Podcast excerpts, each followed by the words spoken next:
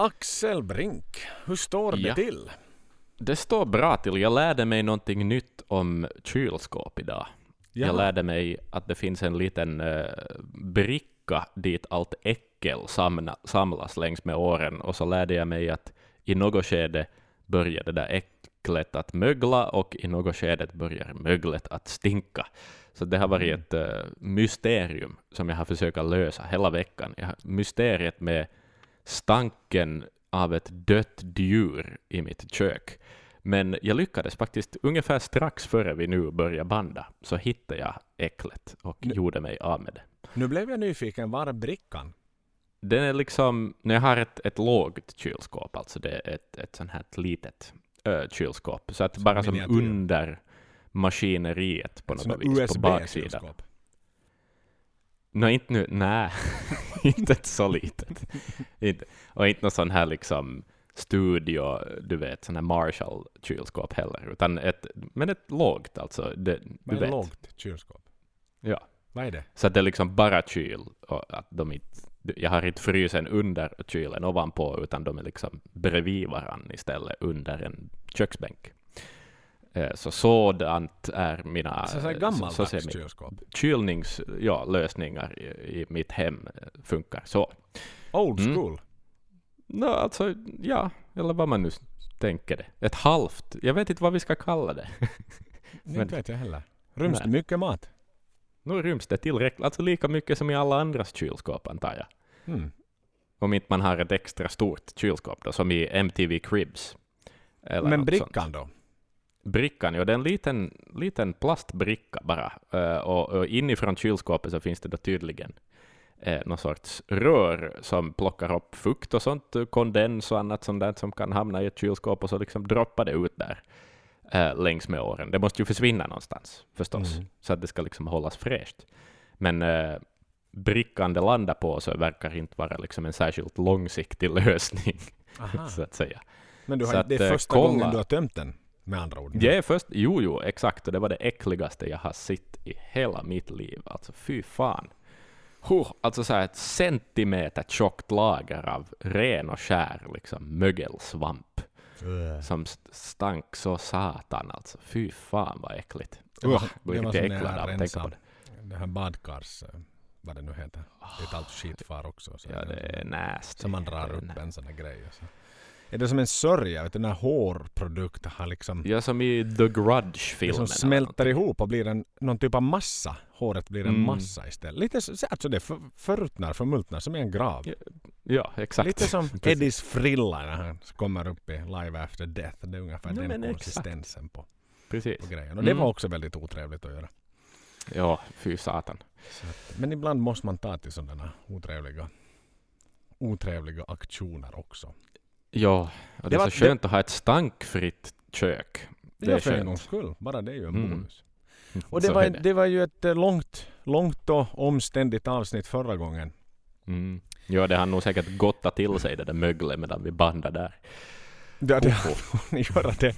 Nej, jag Ja. tänker det blir ju lite att fortsätta på samma spår idag eftersom någonstans var ju ändå huvudpersonen Bruce i förra Mm. avsnittet också. Det kan vi ju inte riktigt komma ifrån. Det, det kretsade så, så kring honom. Mm. Så vi tänker så här att vi, vi stannar kvar på, på mannen Bruce men nu ger vi oss då i kast med hans, hans mera biografiska avsnitt och i sedvanlig ordning som vi brukar så, så sätter vi ju inte hemskt mycket fokus på hans tid i Maiden vilket är, hur ska jag säga, en väldigt märklig företeelse som vi har, har, har tagit oss för i den här podden. Att vi pratar Ja. om en bandmedlem men vi pratar inte om hans tid i Maiden.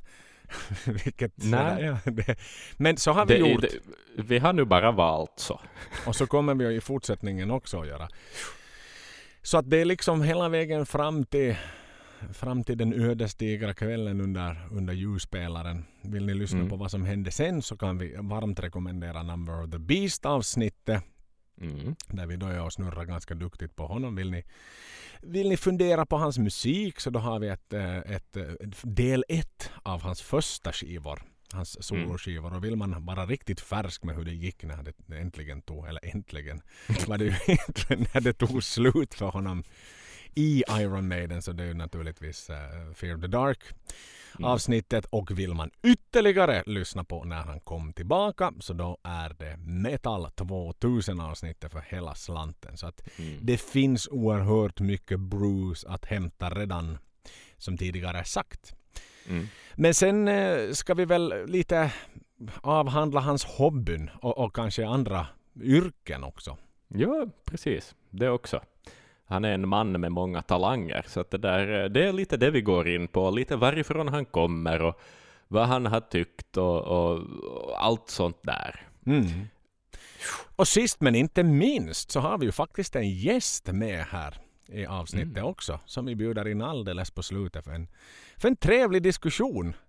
Mm. Uh, det blev inte Bruce Dickinson utan det blev Bruce Chickinson. Exakt, exakt. Från det legendariska tributebandet The Iron Maidens. Hmm. Så Kirsten då som, som numera är frontman sen drygt tio år tillbaka så kommer att bjuda er på en liten diskussion och, och oss också för den delen om, om hur det gick för henne och hur saker och ting går för Iron Maidens. Mm. Så det, det är också väldigt trevligt att, att få med sig henne. Och hon är ju, ja, Japp. det kanske bästa substitutet till Dickinson, så Chickinson. Så är det, så är det. Men vad tusan, vad säger du Axel? Är vi, är vi redo och taggade att liksom börja gå igenom personen Bruce Dickinson?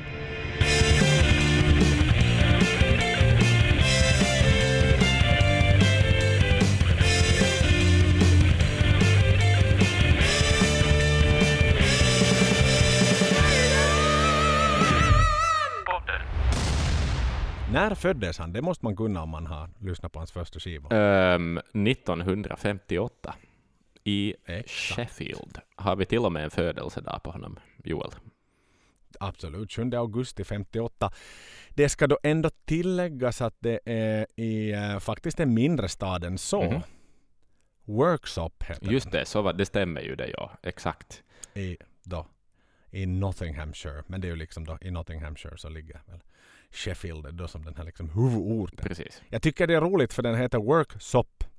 Det är precis som en finne skulle säga workshop. Det är sant det. Workshop.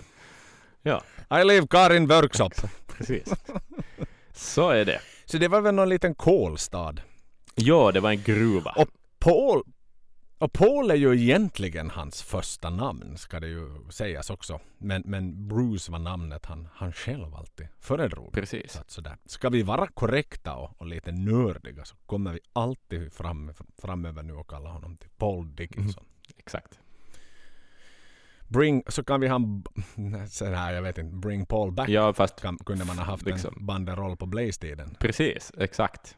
Ehm, men, eh, men väldigt lätt att missförstå. Väldigt lätt att missförstå. Men det är ju det vi gillar ju sånt där när man liksom kan göra lite fult. Well, actually, liksom. eh, en sån attityd till det. Mm. Ja, exakt, exakt, exakt. Strålande, så att så, således 58 föddes han. Hans föräldrar var ju helt sagolikt unga Ja. när de fick honom. Ja, gymnasieåldern visst. Här. Ja, ja, mamman var 16, pappan var 17. Och eh, var ju liksom sådär, vad ska vi säga, en, en överraskning om vi Mm. säger så. Ja. Att det var ju inte sådär att de planerade och planerade och försökte i åratal och, och, och till slut lyckades de få lilla Paul. Utan han kom som en liten, liten glad överraskning och, och, och det resulterar ju också i det där att de bodde ju faktiskt hemma hos eh, hans eh, mor, och, mor och farföräldrar. Mm. Ja, det, det är väl eh, mera de som är kanske krediterade till föräldraskapet under hans första levnadsår åtminstone. Eh, Mm. Ja. Pappan var i militären och mamman jobbade i någon skoaffär också deltid. Sådär, så att eh, hade ju fullt upp med att någonstans försöka få saker till stånd i alla fall med, med liksom ekonomiskt och Mm. sådär. Så att eh, således så blev han blev hans, hans farfar då, hans, eller hans morfar i det här fallet blev hans liksom guardian, li, inte kanske legal guardian, det vet jag inte om de faktiskt var. Eller om det ändå var sådär att det Mm. var Nå ja, men det är väl ett exakt. kollektivt ansvar över det lilla barnet. Nej men visst är det så. Visst är det så. Men hur som haver då så, så hade Bruce eh, föräldrar då, när han blev sex så hade de ändå liksom lyckats stadga sig någorlunda då i, i Sheffield just, som du var Mm. inne på då. Mm. och fått, fått jobb helt enkelt och, och lite sådär liksom tagit tillbaka honom egentligen. Mm. Men han var ganska råddig vid den tiden så där någonstans. Han hade ändå spenderat sina första fem år hos, hos uh, mormor och morfar så att inte var det nu så det bara att flytta hem till mamma och pappa och, och det här han uh, hoppa dit. Nej, nej. Nej, exakt. Han hade väl, uh, var inte något att han fick någon lektion om lite hur man handskas med dumma människor, så att säga. Någon liten olycka redan i barn, liksom barnaålder. Uh, mm. Någon, någon liten vad vi nu ska kalla ja, det. sin farfar. Misshandelshistoria kanske vi kan kalla det. Uh, ja, ja. Mm. Ja, ja nej, men han, han, han lärde väl honom att boxas sådär. Så var det. Och liksom då. Så klassiskt vet du igen, jag kan just höra Daves pappa också så här att don't take any shit liksom. Ja, sen där liksom. Om det är någon jävel som, som bråkar med dig så tveka inte att slå tillbaka. Det var inte liksom kanske den här kristna attityden att vet du, vänd andra kinden till. Utan Nej, lite, lite mer hårt. engelsk arbete, lite mer gruvmiljö kanske. Absolut. Ja, ja. Det, men det är ganska spännande någonstans sådär om man nu tittar till sin egen uppväxt sådär. Så hade man liksom inte den där attityden heller. Nej, nej. Men, men sen så gav han lite väl mycket stryk så då fick han väl liksom mer eller mindre budskapet då av farfar att liksom okej okay, lektion två är att nu ska du lära dig när du ska slå och när du inte ska slå.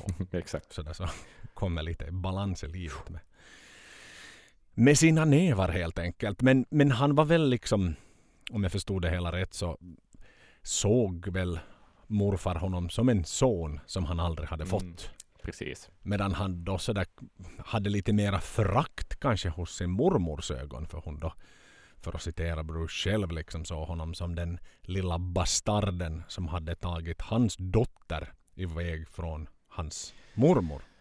För att då hon blev så ung och blev mamma. Precis. Så det är också en ganska bitter syn på, på ett barn. På det hela på något sätt. Det är ju inte hans fel att hans, hennes dotter har blivit gravid. Nej. Det är ju inte som att det är lilla Bruce som har kommit och ställt till med det. Tänk vad människor kan, hur, hur människor funkar. Mm. Så är det då, när börjar Bruce, den klassiska frågan, när börjar Bruce liksom, vad är hans första musikminne? För det är ju ändå det vi känner honom som, en, en musiker. Mm. Det var när han fick lyssna på The Twist av Chubby Checker. Mm. Han fick dansa till den och det var liksom det som var liksom hans första riktiga minne och sen första skivan som han faktiskt ägde var då singeln mm. She Loves You av Beatles. B brittiskt förstås. Såklart, såklart. Så att liksom på den vägen gick det så att säga med hans eh, hans första, första musikaliska inviter då helt enkelt. Mm, jag undrar sådär om det fanns hipsters på den tiden på något vis. Alltså den generationen som liksom inte skulle vilja erkänna att det första de gillade var Beatles utan något annat, lite mer deep cut band. Säkerligen fanns det väl liksom varför skulle det inte finnas de som var annorlunda redan då? Mm. Varför skulle det idag bara vara sådär att ja, jag, jag, jag måste ha min egen lilla genre. Det är klart att det fanns folk som... som alla gillar ju inte Beatles, herregud. Nej, jag hade en lång period där jag absolut inte gillade Beatles, men det var mer av principskäl än vad det faktiskt ja, ja. var mitt hjärta. Sen är du född 1990 också, så, så det är ju inte sådär som att alla idag måste gilla Beatles, även om det såklart är en Nej, på min tid var det Aqua en... eller något. Ja, nej men så var jag. Och Doktor. Exakt. Doktor Bombay Dr. som vi pratade mycket om mm. i tiden. Ja, kvalitetsmusik. Mm. Men hur som haver, hans föräldrar var ju inte så där jävla hårda på att lyssna på musik utan de var liksom det här är då när han är sex år så då har de ju själva levt liksom tidiga 20-årsåldern mm. så då har de, de är extremt fokuserade på att någonstans landa på fötter och få ihop ekonomin och få ihop det, det dagliga livet egentligen. Mm. Så att eh, de flyttar väl väldigt mycket ja. om jag förstod det hela rätt. Ja, eh, efter jobb liksom. Mm. Uh, och bytte skola många gånger. Och Bru lille Bruce, ursäkta Paul, hamnar och liksom assimileras in i, i nya situationer hela tiden på något vis.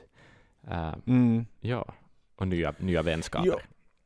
Nej men exakt, det var liksom sluta skolan, börja skolan, sluta skolan, börja skolan och, och så vidare och så vidare. Så att Och de gjorde ju lite sån klassisk vet du, Stockholms bostadskarriär. Man köper ett ruckel och så renoverar man upp det bara för att liksom sen sälja det och då Mm. tjäna lite mera helt enkelt. Men då hade de ju köpt någon slags boarding house, någon, någon typ av liksom hotell. Mm.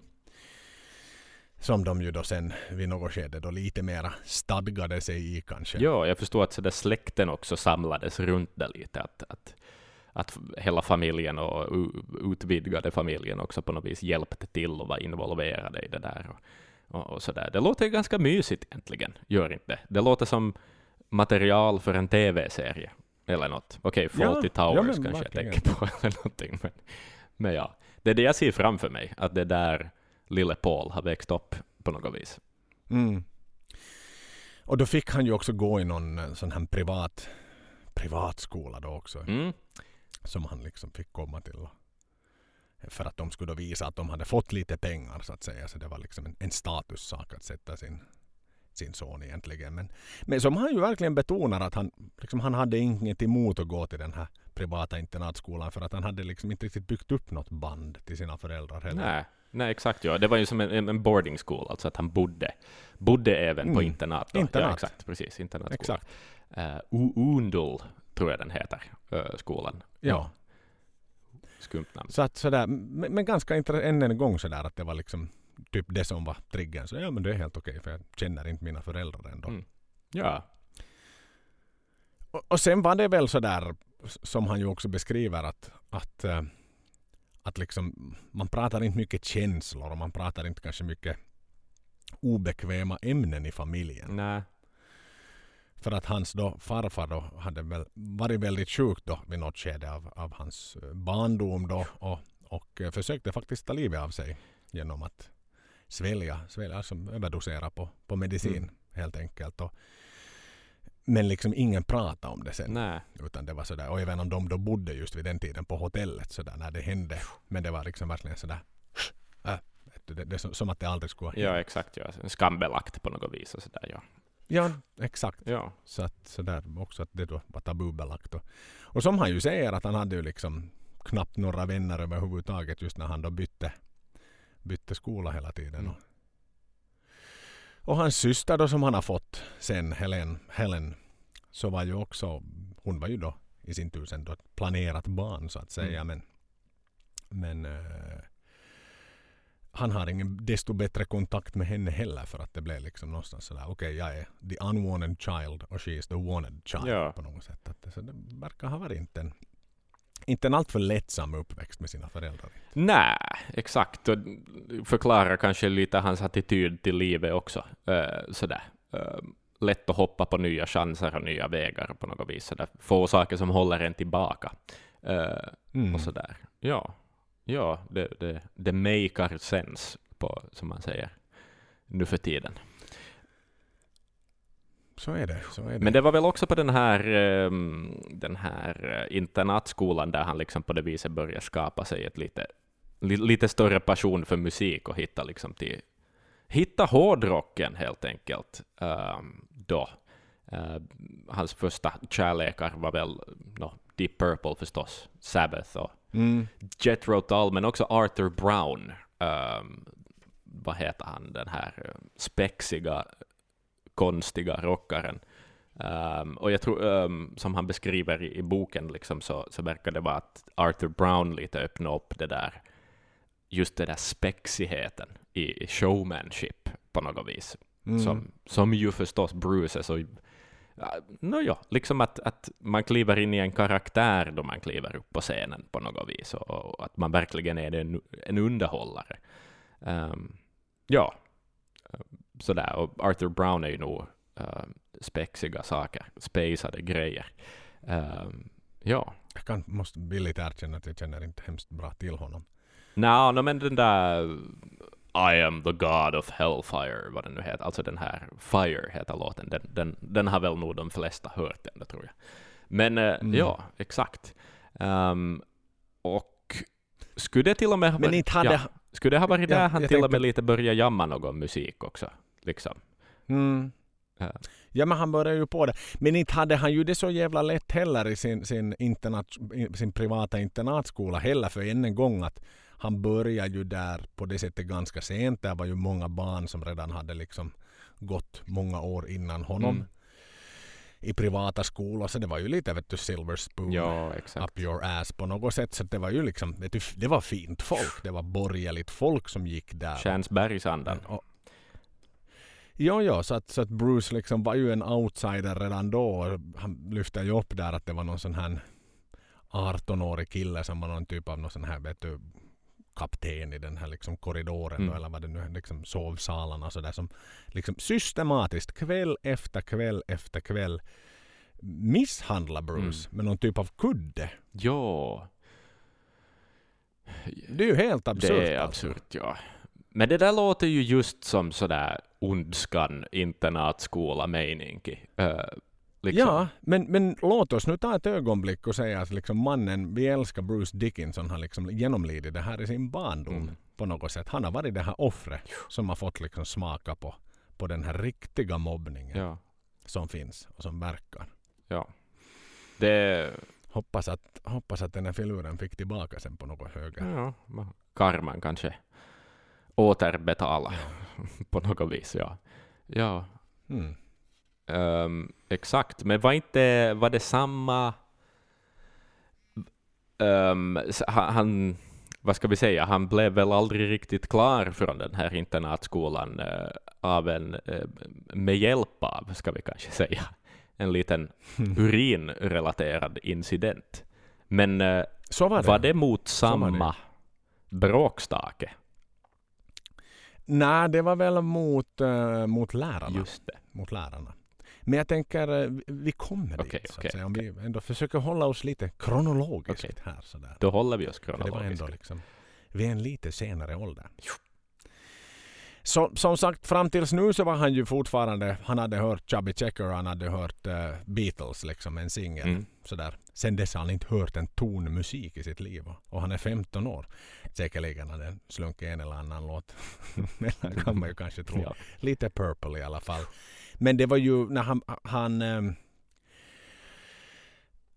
började väl med någon typ av dramaklasser och sådär Mm. som han då liksom fick det här eh, att det var kul att stå på scenen. För han har väl alltid haft det där att "Ma, what the fuck, jag har aldrig haft scenskräck utan det var liksom en väldigt naturlig del för honom att vara med. Mm. Och det var ju då precis som du var inne på i den tiden han hörde Purple. Minns du vilken låt det var som var liksom den som fick honom turned over från In Rock-skivan naturligtvis ska du säga. Speed King. Ah, Du ska tänka att han är en blivande sångare. Så var är, var ligger den största sångprestationen? Child in time. In rock. Naturligtvis. Den, åh, den leveransen där, den är ju så liksom, den kommer ju rakt från hjärtat. Den. Ja, så är det. Och det är väl lite en sån här låt som Ian Gillen nästan aldrig har kunnat... Alltså det är lite hans Number of the Beast-skrik kanske, att det liksom aldrig riktigt... I alla fall har jag aldrig hört en liveinspelning som är riktigt on point, lika bra som albumversionen på något vis. Att den är, Lite så den är ja. speciell. Den är en sån där rockhistorisk legend på något vis. Eller som hela Priests Painkiller. Mm. Det också. Det har vi aldrig hört Halford leverera heller. Nej. På den nivån som han, han gör på skivan. Nix. Nix, nix. Jepp. Så att, eh, men ja, precis som du var inne på med Arthur Brown och Jethro Tull och, och, och hela den delen. Då som. Han ville ju vara trummis först, så var det Ja. Ian Pace var ju hans stora idol. Ja. Och, och vi som alla känner till det så vet ju att det är ju trots allt Bruce som, som ligger bakom uh, introt i, i eh, The Prisoner. Just det. Ja, det var ju hans idé. Exakt. Han tänker hans- som en trummis. Ändå. Mm. Ja. Det gör han. Så det är väldigt trevligt. Jaha du. Men eh, exakt, då var det ju någon sån här eh, till den där incidenten. Då, Mm, då var det ju mm. någon typ av, alltså den här rektorn och alla liksom höga höns, du vet de här riktigt liksom aristokraterna där på, på skolan som skulle ha någon fin, fin middag och någon typ av kick-off för att de hade liksom invigt någon ny del av skolan Mm. då. Det var, det var ordning och det var reda och, och eh, då fick han och hans kompis för sig att de skulle de skulle pissa i, i matoljan helt enkelt. Mhm. Rapsoljan eller vad tusan det nu sen vara. Va? Och nej men, de gjorde nu det då. Inte nu hemskt mycket men liksom lite, lite urin kom det in i matoljan då. Helt enkelt och så satt de ju då och spionerade på när de satt och sörplade soppor och sådär med fina silverbestick och vet du fnittade ju fnittrade naturligtvis frenetiskt liksom och liksom tyckte att det var det roligaste som fanns och sen var det någon sån här som kom och vad satan sitter ni här och skrattar åt och sen var det vi får inte säga, vi får inte säga men lovar du att du inte säger åt någon? Exakt. Jo, hej, kla- klart jag lovar, klart jag lovar. Okej, vi pissar i soppon. Så, så det är klart satan att inte vet du på en skola, internatskola där ingenting händer. Det var precis som när man gjorde lumpen och militärtjänstgöring. Det var ju helt omöjligt att hålla någonting hemligt Ja, där. ja, Liksom. ja. Alla var så uttråkade och man, man levde ju på att höra någonting sånt här. Jo, jo, jo, så är det ju. Och det är ju liksom... Ja, det, ja, och alla skolor har ju sådana skrönor om lärare som Mm. berättas generation för generation för generation framåt. På något vis. jag det, kan här, det här föreställa ju mig om den. Det skolan måste ju vara så. finns än idag så måste ju den finnas kvar. You know that Iron Maidens vocalist pissed in the soup. Eller liksom pissed in the Det må garanterat. Det måste ju liksom, finnas på en gång. bronsplatta på väggen någonstans. Liksom. Säkert i någon sån här boys dormitory finns Ja. det någon sån här To the hero Bruce Ja, Dickinson. exakt. Och om inte, Jag tror ju inte att den här idioten som misshandlar honom har någon typ av sån här bronsplatta. nej. Men vet du, om det inte finns en sån platta så tycker jag att, jag tycker att vi ska finansiera en sån platta. Och skicka till skolan. Ja, Till eleverna. exakt. Bara så ni vet. Här har vi liksom ingraverad Mm. på en sån här snygg medaljongplatta. Ja, ja, ja.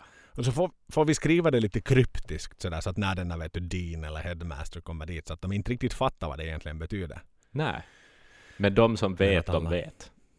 Exakt, exakt. Och vi kan ju skriva att det var Paul som gjorde det. Exakt. Till Bruce. Precis, precis. Mm, hemlighetsfullt. Så vad blev då konsekvensen av hans lilla pojksträck? Nå, han fick ju gå därifrån. Jajamän, ren och skär relegering. Varken mer eller varken mindre. Nej, och det visste han väl också. Det fanns ju inte riktigt någon annan utväg. Det är ju ingenting man Nä. snackar bort, utan det är ju liksom... Det, det är de rimliga konsekvenserna av en sådan Men är det handling. det? Nå, alltså, nu på... När är, det, Idag? när är det här? Det här är det 60-tal fortfarande, 70-tal. Uh, Mm. Tidigt 70-tal kanske. Tidigt 70-tal. Ja, så nu är det ju i, i ett konservativt England. Absolut är det väl... eh, Men om det hade rimliga. kommit fram Axel att i Vasa övningsskolas, det här är gymnasiet du hade då urinerat på lärarmiddagen. Hade du blivit liksom avstängd?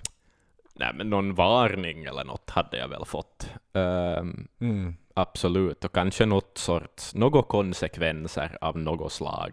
Ett lågt beteende, vad heter det, betyg, eller så, vad det nu heter. Ehm, Mm. ja, kanske, kanske någon liten, att man måste göra något gott, skulle jag kunna tänka mig. Eh, ja, Inte pissa på två dagar. Nej, eller dricka sitt eget piss, kanske skulle vara det rimliga. Men det har jag svårt Det att tänka mig en rektor. eh, Som står där. och- är inte tillräckligt fittig rektor. Kan sant. Liksom. Sant, sant. Nu fanns det ju sadistiska lärare, herregud. Jo, jo, jo. Också, på, också, också i modern Också i tid. Vasa på, på, i modern tid, sådana som inte alls borde ha varit lärare. Jo, jo. Om vi alla tittar till oss själva så hittar vi säkert någon sån här, något svin där ute som, som liksom slank igenom lärarutbildningen och lyckades få en tjänst och lyckades hålla sig kvar. Som hatar barn och Mm. bara var ute för att skada. Det finns i varenda liten kommun. Jag, jag kan nog fan med nästan ta urin på det. Ja. Exakt. Nåväl, han blev tillbaka skeppad till, till, till gamla goda Sheffield då. Mm. Och då fick han ju liksom gå i vanlig skola helt enkelt igen. Och, men inte var hans pappa, sådär, man pratar inte om känslor så hans pappa var inte så arg på honom heller. Så på det sättet var det väl liksom fördelen med det. Utan det var så, jaha, okej, no. Tällaista tänään Mm. som man säger på finska. Exakt. Och vad hände där då? Det var där han väl började komma lite mer i kontakt med musiken. Ja, exakt, precis. Ja, um, han väl Så av en liten band, slump va? så hamnade han lite med i ett band. Uh, Ja. För att han hade, va, va, men det finns en story med varför han lämnat trummorna bakom sig också här bakom i något skede. Mhm. Ehm, f- f- men vad var den? Vad var den hur, hur insåg han att han kunde sjunga Joel? Den biten har vi missat. Eh, så var det ju, så var det ju. Men var det inte något sånt här att han... Var det någon kör eller Ja det, måste, någonting? ja, det var en kör. Det måste ha varit en skolkör då eller någonting. Och så var det någon oh, you got a really good voice. Exakt. Någon som liksom sådär och, som sa det åt honom. Precis. Så fick boostade han väl lite självförtroende. Men jo, han hade ju... För han... eh, Men han kunde väl inte... Han hade väl inte råd med trummor? Var det nu inte det som var en av delorsakerna Mm. också? Ja, no, det förstås. Uh, ja, he, helt Och klart. sen hade han någon sån här... Spelade han på någon sån här bongos? Ja, bongotrummor. Det var någon av hans först, ko- kortfattat första band som bara i ungefär en halv övning. Uh, Och det var väl på boarding Det var på jag. boardingskolan, exakt. Precis. Mm. Ja. Jepp. Men här var det väl eh, av en ren händelse så var det då ett band som skulle öva samma kväll men sakna en sångare eller något sånt. Exakt. Japp. Exakt, just så var det. Uh, varpå Bruce sa att I'm somewhat of a singer. Um, Mm. och, eh, och fick chansen. Klockan sex ikväll eller någonting i den stilen var väl uh, Jajamän. beskedet. Eh, I, i, I en av medlemmarnas pappas garage. Mm.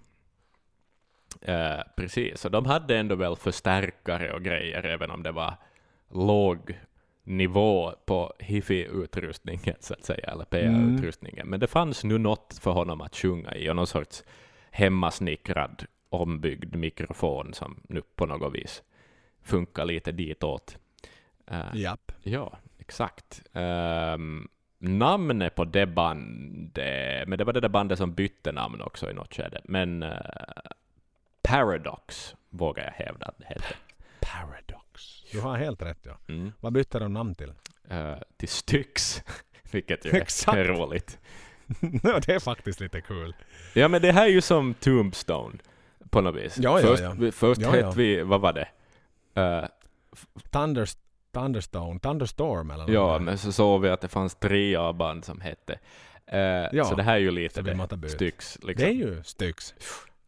Absolut. Men Bruce tyckte ju att, att eh, Styx var ju mycket mer ballsigt. Liksom. Det Definitivt. var mer attityd. Exakt. Och det var, det var väl lite mer typ så här Wishbone Ash-style. Mm. Ja, exakt. De kunde väl eh, covers av det bandet då också. Ja, och, och lite låten Argus. Ja, just det. Och de var ju verkligen blown away av hans sång. Mm. Då när han liksom... De var ju, för att citera, Fucking hell, you can really sing! Mm. Wow, we got a singer! Mm. Exakt. Och det var då han liksom skulle investera i sin första musikutrustning. Då bestod det med mikrofon. Mm. Och en eh, Vox ändå AC30 tror jag det var. Förstärkare. Mhm. Mm. En konsert lyckades de ju åtminstone ha där. På Broadfall Tavern i Sheffield. Just det. Lyckades då Paradox eller sedermera Styx ha. Mm. Ehm, Men eh, det var väl lite Mm. halvlyckat. Eh, men de fick väl till och med betalt, vilket jag tycker är ganska eh, fantastiskt. Det, eller det säger en del om att det är en annan kultur i, i England på något vis. För att mm, inte... sk- Mm, jag, tror, jag tror nog inte... Ska vi säga så här, min första spelning tror jag nog att jag aldrig fick betalt för. Eh, och inte no, jag har ens- inte fått betalt för någonting annat än typ när man har gjort bröllopsspelningar Mm. eller sådana här vet du, festspelningar, rena och skära coverspelningar. Jag har aldrig fått pengar för riktigt. Nej, inte sådär liksom att stället skulle betala en för att spela där. Något pubcake jag har kan- vi nog dragit någon gång där vi har fått lite liksom sådär. Eh, men, men för det mesta så är det väl att man ordnar något själv och så tar man, får man typ hälften av inträde eller någonting i den stilen. Men, men Mm. liksom, ja, men ändå någon För om nu pubägare, sanningen ska fram så, så då när vi hade eh, förbandsspelningen då för Stratovarius Mm. så pengar fick vi inte men pizza och öl det, det var de liksom frikostiga med på det sättet. Just det. No, men det är ju fint. Så att vi fick beställa varsin pizza och fick några öl backstage men, men sen var det liksom hem med er. För det var ju då Men igen det klassiska, det är äran. Det är äran. Tänk att ni får göra, vi ger er den här möjligheten. Exakt, precis. Ja. Ja, och fatta nu ändå, alltså nu som då man tänker tillbaka också, eh, just sådär första spelning, att det är ju, det är ju lite som ett första jobb också, att, att, som, att det är ju en sån där konstig hönan och ägget situation, att där det förväntas att man redan ska ha erfarenhet, även om man inte har erfarenhet. Och, och, det är alltid det där mysteriet, hur får man då erfarenhet? Och det kan aldrig någon riktigt svara på. Och det här är ju också en sån, att sen måste det nu vara någon skum pubägare som nu bara på något vis är på gott humör och ger en chansen. Uh, Hostar fram en slant. Och en hamburgare och en öl. Uh, liksom. Mm. Ja, precis. Så att uh, kul för Bruce. Tänk om det här aldrig skulle ha hänt. Okej, okay, det skulle, lär ju nog skulle ha hänt senare, men, men ändå. Ja, men nu ägde han ju i alla fall en mikrofon och en liten högtalare. Precis. Hej, borde vi skicka en bronsplatta till det här stället också? Om vi nu ändå håller det, på. Absolut, fram med, fram med den. Fram med den. Vi, hur det är säkert mängdrabatt. Jag, jag kan tänka mig det. Men bo, då borde det vara samma text på alla för att det ska bli billigare. Ja, i och för sig. Uh, I och för sig. Så att, uh, det får vara någon sorts ja, universal platta. ja, eller så Utan specifika budskap. Saker. Ja, eller så skriver vi liksom olika att då, det spelar nu ingen roll om Sheffield-budskap, pub Sheffield-budskapet också går till skolan. Men då ska det också vara så att det är en lång text i så fall, så får man liksom välja stycke ett, stycke två, stycke tre. Ja. Ett som då är liksom syftat till, Exakt. till varje plats Precis. helt enkelt. Precis. Det tycker jag definitivt att vi ska göra. Mm. Men, men då var han ju själv så där fundersam att när han då gick ut skolan vid 18 års ålder han hade bra betyg i engelska och, och uh, funderade lite på militärtjänstgöringen faktiskt. Mm. Ja, han ju inne på. exakt. Tog, eh, tog, han tog väl värvning uh, då i reserven på något vis. Mm, och, det gjorde och han gjorde ju. Men, men han där. gick sen inte aktivt liksom dit då. I alla fall. Så att det var inte det utan han sökte ju inte universitet och sen i sin tur. Mm. För att läsa historia på Queen Mary College i London, East End. Vad trevligt att han äntligen börjar hitta till East End. Ja. Till de hårda grabbarnas område. Exakt. Um, ja, uh, studier är väl lite så halvtråkigt att snacka om, men jag tänkte kanske mer att vi borde fokusera på det tror jag en det var för Bruce också. han tog på sig, så att säga, för någon studentförening. Mm. Uh, det tycker jag absolut. Ja. Men för det var nog ganska tråkigt för oss också första året vi studerade. I alla fall för mig. Ja, jag minns väldigt lite av föreläsningarna, men jag minns desto mer av allt det andra. Uh, och det minns vi även i Bruce Dickinsons fall. Uh, Jajamän. Ja, men han började boka spelningar. Jo, han väl. Mm. Han gick med i någon Exakt. studentförening och, och, och började ordna evenemang. Det gjorde han ju. Um, så att, uh, och som han beskriver det väl, så var det ganska liksom entusiastiskt att få Ja, han hade ju ändå på något vis några musikambitioner och hade erfarenhet av att spela i band och sånt, och få sitta där med liksom en telefon och en kontaktlista till nästan allt. Alla spelställen, mm. allting, bokare, uh, ja, management för olika artister och allt möjligt sånt här. Liksom. Att det, är ju, det är ju nog en dröm, speciellt i en tid utan Google. Liksom. Det är ju en guldgruva att sitta på det. Ja, faktiskt. Ja, det är ju spännande. Och de fick ju in uh, The Jam och, och uh, Hawkwind bland annat. Mm, exakt, Hawkwind. Tänk, det är coolt. Mm. Ja. Sex Pistols hade de väl också? Just det, det hade de. Precis. Ja. Um, men, men under samma tid så då grundade han ju, eller grundade och grundade, men då kom han ju med ett nytt band mm. hos någon, någon artist. Precis, är det det som heter, som heter Speed? Då var det Speed, jajamän. Utan att de visste att det var en drog? Exakt, exakt. Och det var väl någon sån här mera one, one man show för han spelade liksom lite alla instrument då. Mm. Och, och, han hade då väldigt mycket sådär liksom utrustning då. PA och hela balunsen då. Så. Då startar de liksom ett band tillsammans med den här figuren. Då. Och anledningen till att de hette Speed hade ju faktiskt att göra med att de spelar saker jävligt snabbt. Just det. vet du, Prehistorical Dragon Force ja, kanske. Precis, exakt. Ja. Vad ska vi heta? Speed. Det, det är bra. Berätta. Och då lärde han sig också lite eh, gitarr i samma veva. Som vi också känner till från Revelations i Rio. Mm. Att han faktiskt kan plinkplonka lite på en gitarr. Så är det, så är det. Och, och, och det var ju med den han de facto skrev låten, låten själv. Och kanske inte med just den gitarren men genom en gitarr som han ändå skrev. Mm. Ja, Skrev eh, på visst säger han det också i sin biografi någonting om att, att han har en, en teori om att, eller på något vis levt enligt en regel att varje gitarr har en låt. Någon sån här liksom lite sån här flummig, mm, ja, halvmagisk tanke på något vis. Eh, Det tycker jag är en ganska fin, fin tanke. Att sådär att, Men hans pappa hade då back back in the day när han var liten hade ju en gitarr och den, den gick inte att tämja överhuvudtaget. Den Just var det. så, så otam. Hans pappa spelade ju inte heller på den. nej, Så den hade, det finns en förutom alla andra som inte kan frambringa musik. och det var den. Och den är tillverkad kanske i Jakobstad. Precis. Nej, nu ska vi inte vara fräcka men det finns väl en anledning att Ladola inte Inte finns kvar längre. mera idag. Ja, Ja. Men, men det tror jag hade att göra med, med dåliga business decisions och, och, och sådär mer, kanske. Men eh, Mm. ja, vi lämnar det. Men Landola var alltså en, en eh, gitarrtillverkare i Jakobstad, strax norr om Vasa, eh, som väl nästan alla finska gitarrister har lärt sig sina första ackord på. Mhm, mm. Men hur som haver då så, så de hade nu lite konserter med Speed i alla fall men, Mm.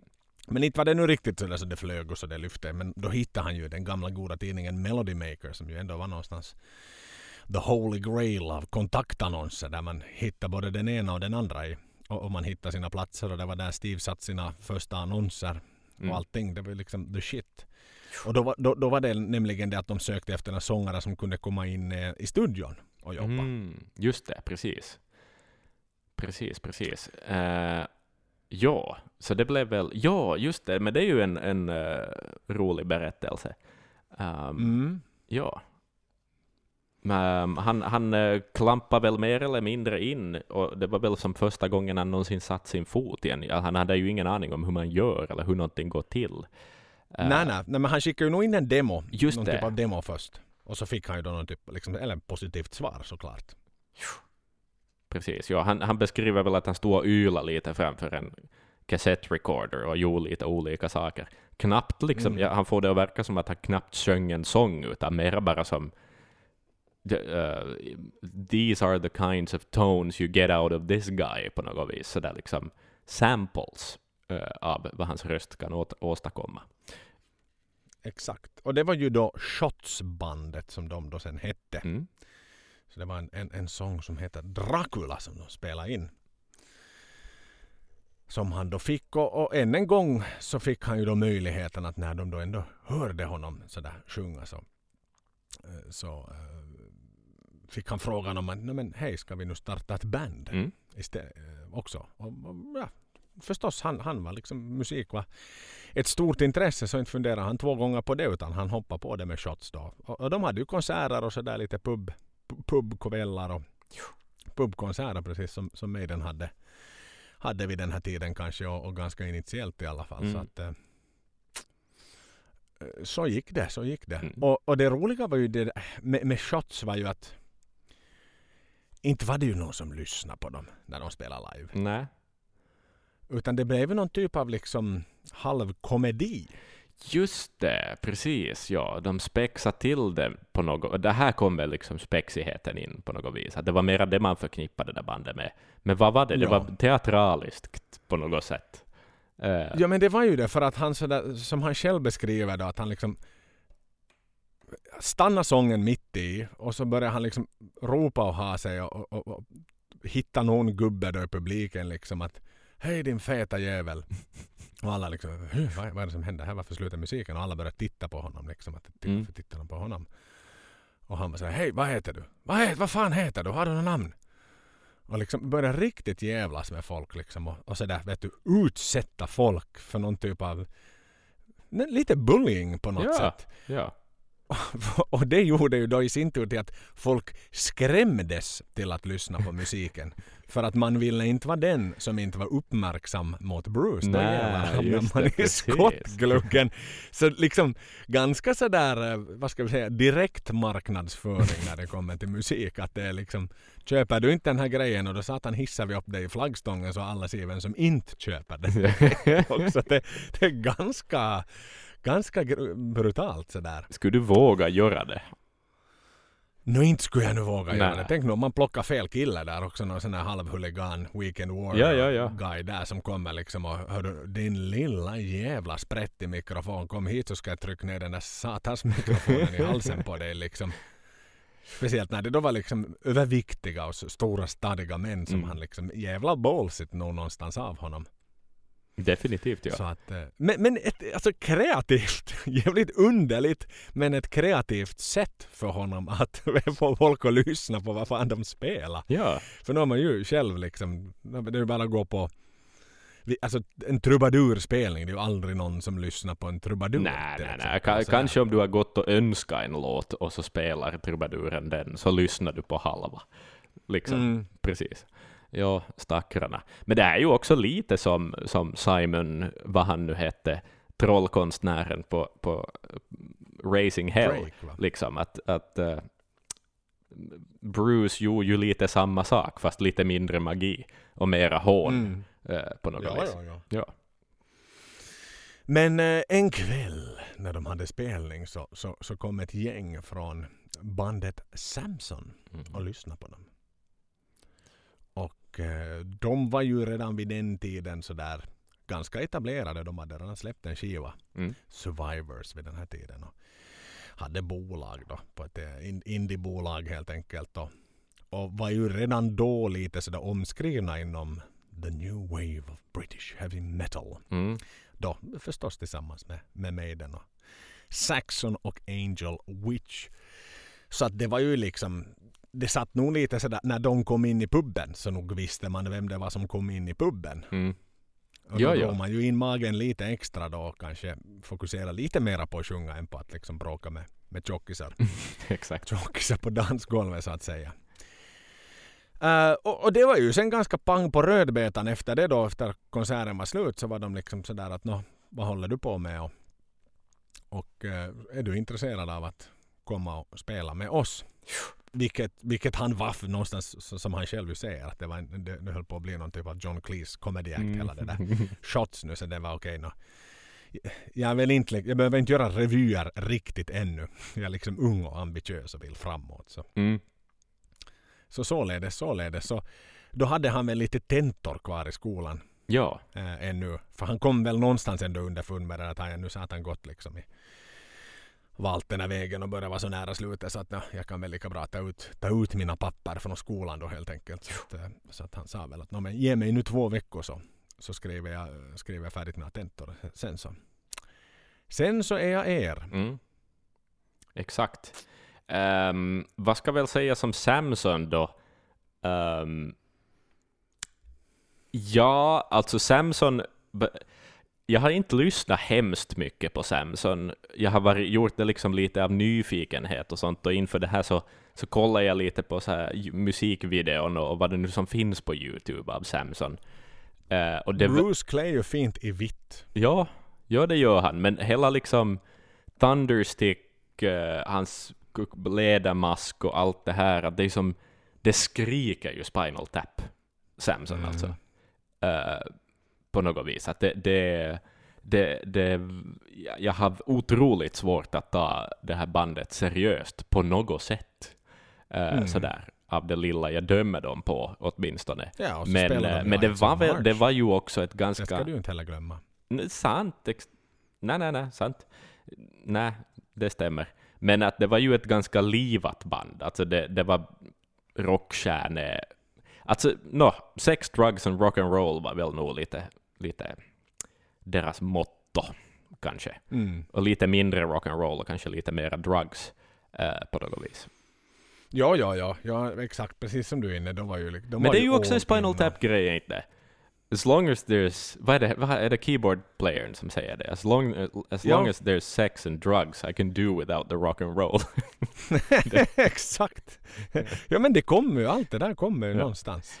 Någonstans. Så. Och Bruce blev ju själv inne på, Mm.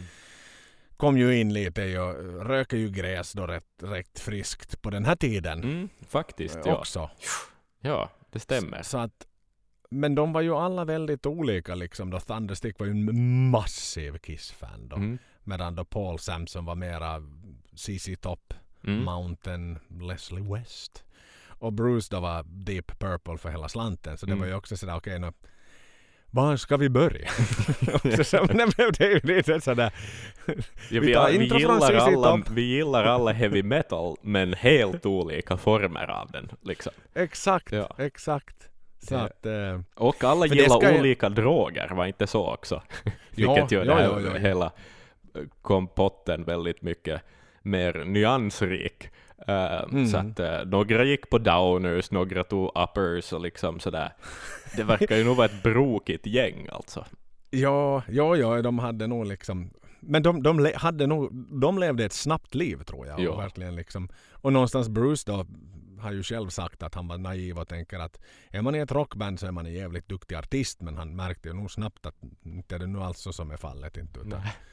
man kan fortfarande vara i ett rockband utan att vara en duktig, duktig musiker. Mm, ja, exakt. Så att de söp och de docka och de söp och de docka och de söp och de docka och eh, ja, de gjorde lite musik också men, Ja. men, men, men de någonstans med fokus på att på att röka på. Mm. För annars så, ja, det var svårt. Och, och han sa att det var helt omöjligt att vara liksom icke påverkad med dem. Ja, Att det var liksom non-stop liksom, för annars kom man aldrig på någon typ av, typ av nivå med dem. nej. Han fick ju sitt fina namn. Han fick Bruce Bruce, ja. Precis, Bruce Bruce. Och det var väl också någon läppe bara, alltså från början. Att Ja, han skulle få sin Monty check. Python-skämt. Just det, ja. Och han skulle få sin check, som han, då var det nu 30 dollar i veckan, eller vad det nu var, månaden. Uh, Mm. 30 pund, ursäkta mig. Och så var det någon som tyckte att det skulle vara roligt om man skriver Bruce Bruce på checken. Liksom. Då- vilket då resulterade i att han inte kunde få sina pengar från banken för att det stod fel på checken. Mm.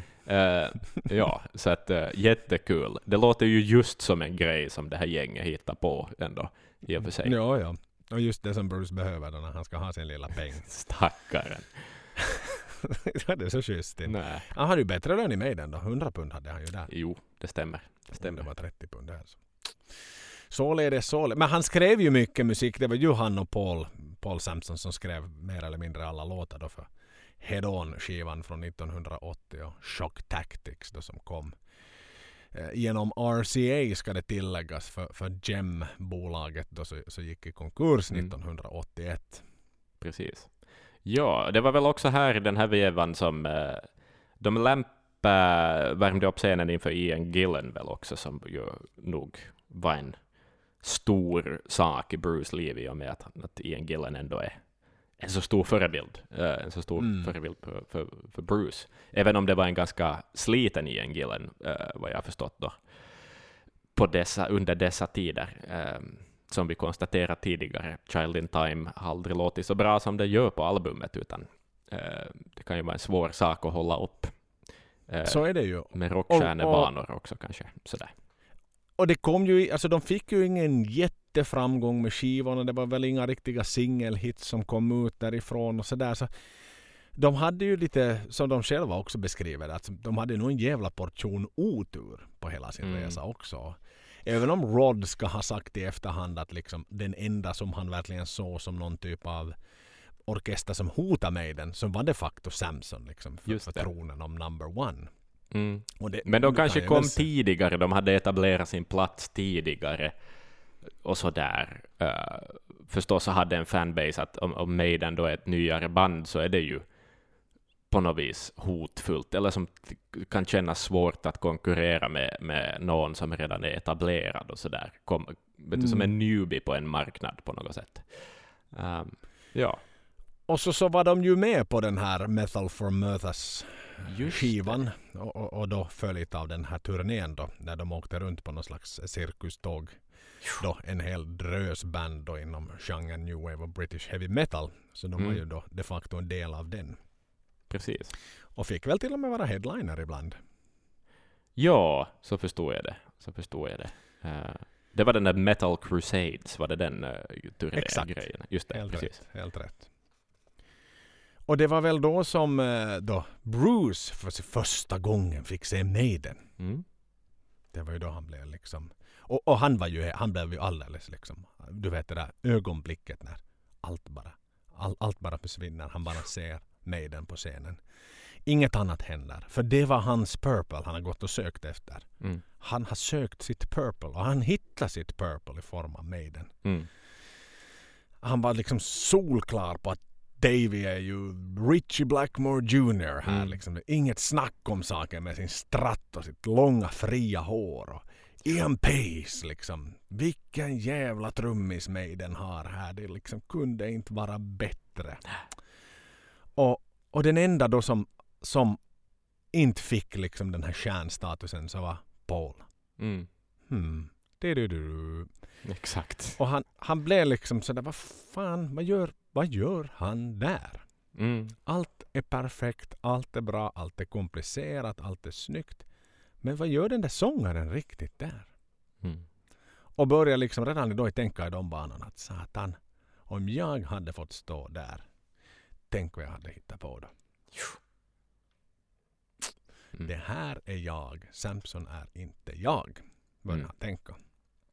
Exakt. Så att sådär, den vägen gick det. Mm. Men eh, mm, och han hade, det är klart han hade lyssnat på skivorna och gillar ju. eh, Framförallt lyfte han ju upp Prodigal Son och Remember Tomorrow. Mm. Men det är ju där som, eh, ja men Paul är ju, det var vi ju inne på också, att de lite lugnare låtarna gör ju Paul på ett väldigt emotionellt och fint sätt. Jepp. Så att även om Paul gör sina liksom hårda låtar på ett, i, i våra öron i alla fall, är, är på ett väldigt bra sätt. Men, men han öppnar ju upp på ett annat sätt. Han tillåter ju sig själv att liksom sväva iväg på ett annat sätt. Mm. Definitivt. Definitivt. Ja, och, ja. Med facit på hand så är ju Bruce en bättre sångare, liksom. Att det är en starkare sångare. Eh, Så är det ju. Så är det ju. Ja.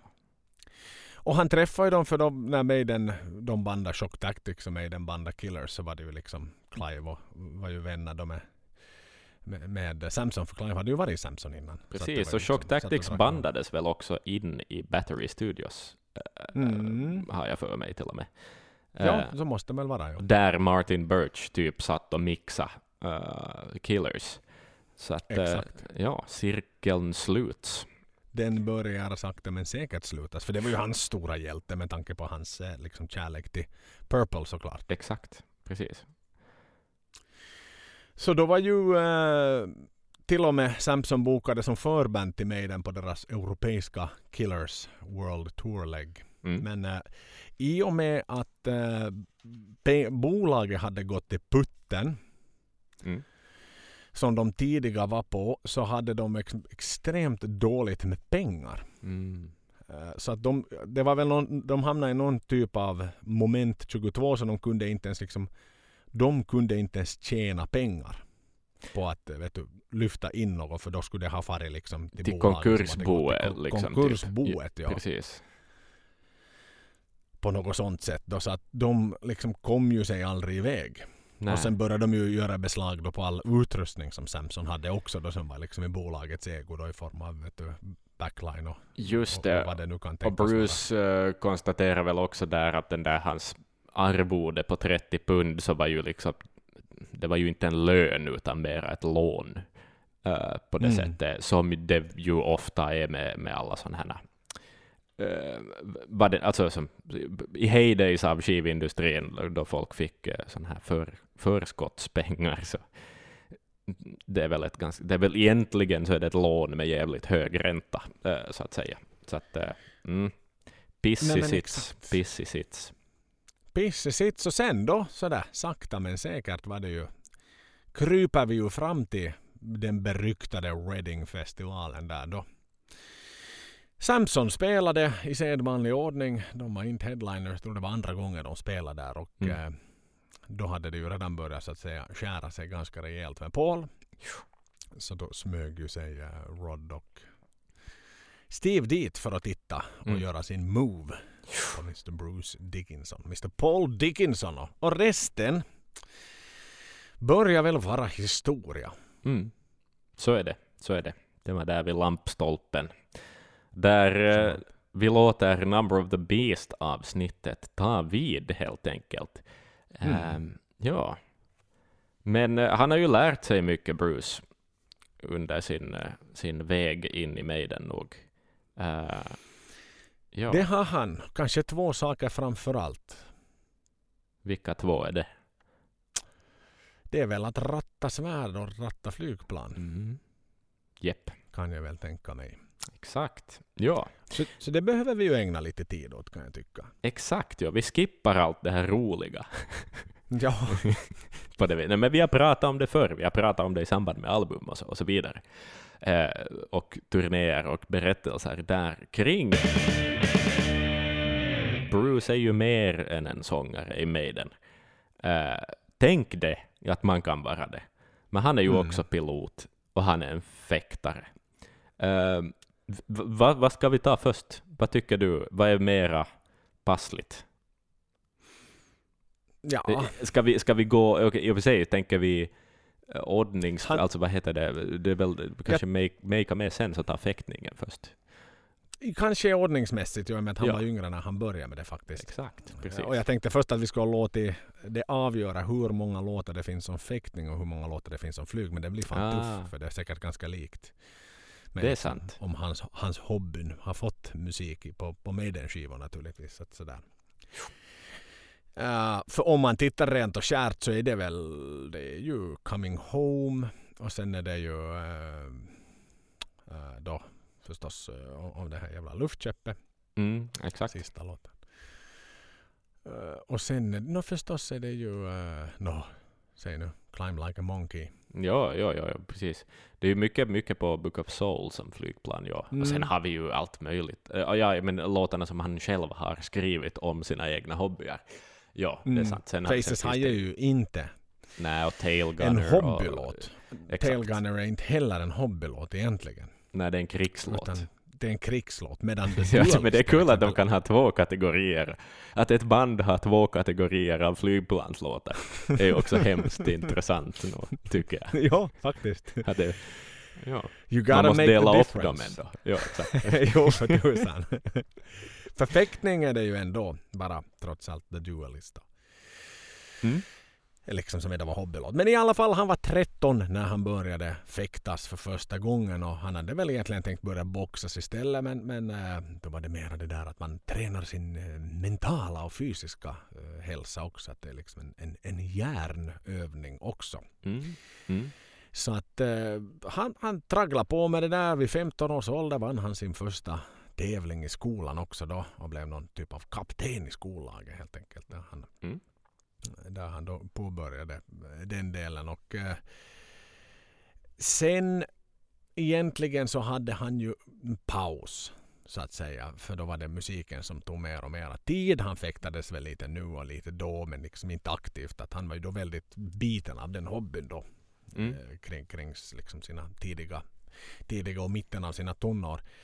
Men eh, det var ju egentligen först 1983 när han, han behövde liksom helt enkelt sätta huvudet på någonting annat eh, i Mm. form av eh, då, turnélivet med Maiden förstås som, som är ganska hårt och ganska rejält så att han, han behövde få någon, en hobby helt enkelt, en sund hobby.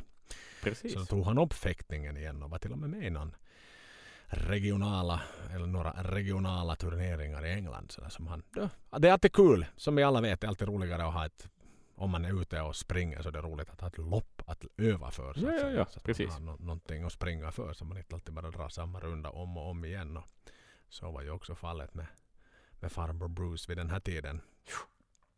Och, och på det sättet sen blev det ju mera och mera, mera och mera fäktning då helt enkelt. Och han var ju med i någon 1985 då så efter att han var alldeles totalt utbränd efter World Slavery Tour så gick han ju in i någon typ av eh, utbildning. Eh, Alltså, Mm. han tog någon sån här eh, trainers camp helt enkelt för att bli utbildad lärare.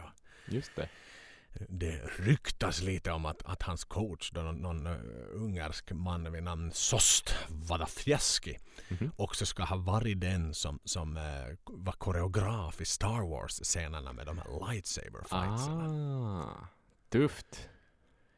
Så att uh, huruvida det stämmer eller inte så får man väl se. Men uh, igen, train with the best i alla fall. Exakt, ja. Oh, en, en äkta jedi.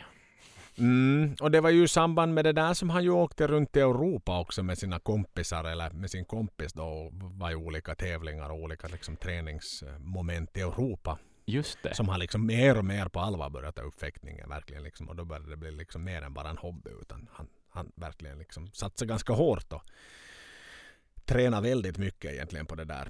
Sen Mm. märkte han väl vid något skede att han använde fel hand. Han har alltid fäktats med höger hand men, men eh, han borde då ha fäktats med vänster hand. Mm. Så han fick liksom börja om helt då från början. Så han började liksom lära sig alla sina, vad det nu jag kan ingenting om fäktning. Nej, nej, nej, nu heter, sina skills. Alltså viftar av honom med en jävla pinne, det är ju det man gör. Ja. Sådär, nu är det någon fäktare där ute som sakta men säkert blir jättearg. Stänger av podden, exakt. Uh, ja, men där kan jag ju faktiskt lite relatera eh, till Bruce. Var, men inte i fäktning och inte på den nivå. Så att egentligen Men- ganska lite, men lite. Eh, ditt trumset Mm. som jag spelade på i smyg när jag var barn. eh, så det där, du är ju vänsterhänt och jag är ju Efter att högerhänt. du hade lyssnat på Maiden i smyg. Exakt. Så jag, så jag lärde ju mig spela trummor vänsterhänt. Mm. Eh, vilket sen då jag började ta lektioner så kunde min lärare konstatera att hej, du spelar trummor fel väg. För jag inledde alla fills med höger hand trots att jag spelade vänsterhänt. Så det var också en, det tog nog kanske ett halvår eller någonting att liksom lära mig på nytt hur man spelar Mm. trummor. Uh, jätteirriterande var det ju, fruktansvärt. Så att där kan jag relata till Bruce, eh, liksom, att det, var, det var säkert utmanande då hans Säkerligen, men, Ja. men året är 1986 och det är sommar och just vid den tiden blev han lika kompetent även med sin vänsterhand. Och än en gång då var han extremt inbiten. Han liksom kunde fäktas nästan strax till strax innan han gick på scenen. Liksom. Det var verkligen Mm. liksom, var ska vi fäktas? Här ska vi fäktas. Här finns en liten gräsplätt utanför parken. Där står han och viftar och har sig och fightas. Och Han gav så här svärd åt hela crewet så han skulle ha liksom fäkta sin väg upp på scenen som i någon filmscen eller något. Exakt, exakt. Mm. Och sen eh, tiden går framåt så under Seventh Sun-eran då som ju vi är medvetna om att bandades in i München. Mm. Så då kunde de inte åka hem direkt efter. Det var något typ av eh, taxeringsskäl helt enkelt. Att de, inte, Mm. de behövde stanna kvar ett tag till för annars skulle de säkert då, ja, nå- något skatte, skattegrejer i alla fall. Så då, då blev han, flyttade han ju till Bonn och bodde där i ett halvt år. Där han då liksom igen gick in i någon sån här Västtysklands nationella fäktningscenter och liksom stenhårt tränade i sex månader. Mm. Så att sådär, den här tiden, 87-88, så var han faktiskt rankad 18 i England i fäktning. Mm. Tänk det. Så att, eh, och inte nog med det, han lyckades ju klättra hela vägen till nummer sju. Men det har att göra med, det ska jag inte liksom ta bort det också Bruce som erkänt, att det var en massa fäktare som tog ledigt efter eh, OS i Seoul i, i, i eh, Mhm. Sydkorea. Så att så där, han hade sin chans att liksom, vet du, spränga upp på rankingen för att alla som var duktiga och fäktas så, så hade paus just då. De var trötta efter OS. Just det. Så att då landade han mera stabilt sen på en 35 plats. Precis, precis. Jo, jo. Men jag menar tekniskt sett har han ändå varit Mm. så högt uppe. Det, det ska vi inte ta bort från Nej. honom. På CVn kan han sätta det och det stämmer. Det stämmer det, och det går att googla fram så att säga. Precis. Och det roliga är det nu, du minns när vi gick igenom bokföringen, Numbers of the Beast, som Mm. ändå är i alla fall ett av mina favoritavsnitt, även om jag sådär ser, Ja, jag ser i statistiken att det är ett av de mindre lyssnade avsnitten, så kanske jag kan få någon här att eh, klicka på det, för det är ett ganska underhållande avsnitt. Men då gick vi igenom ett bolag. The Dualist Limited. Just som det. dök upp där, som vi blev lite fundersamma Mm. över. Och det var, det var Bruce företag för att köpa in och sälja affordable fäktningutrustning till, till Ah. engelska människor. Just det. Ser du? Ser man Så på. han blev affärsman inom fäktningsvärlden sen sådär när han, eh, åldern då började komma emot så att säga och han inte liksom kanske kunde hålla sig på riktigt toppnivå mera. Men han ville hålla sig kvar i Mm. det då. Så nu vet vi liksom storyn bakom The Duelist Limited. Det var, det var sälja Härligt. fencing. Bolaget lär finnas kvar till och med, till och med än idag. Aha. Och sälja utrustningen även om Bruce då kanske inte, inte är uh, hemskt involverad mera. Sen 2003 hände en, en mycket, mycket graverande förändring eh, i eh, Bruce fäktningskarriär. Vad kan det vara? Mhm. Kanske den största. Eh, var, det, men det var, var det då han skulle kvala in i OS? Eller Nej, något? nej, det var sånt. 90-talet det. Det här är 2003. Just han är gubbe redan. Han bytte från foil till epelé-svärd. Aha, just det. Vilket oh, dramatiskt. Mm. Och nu har vi tillbaka fäktningsentusiast-lyssnarna igen, Yes. tror jag. För nu är Mm. han där. Han valde ett mycket, mycket drastiskt och dramatiskt byte. Och mig Mm. veterligen kör han ännu ett epelé-svärd idag. Eller EP kanske det heter. Ett EP. Men Maiden-podden Okej. kallar det epelé.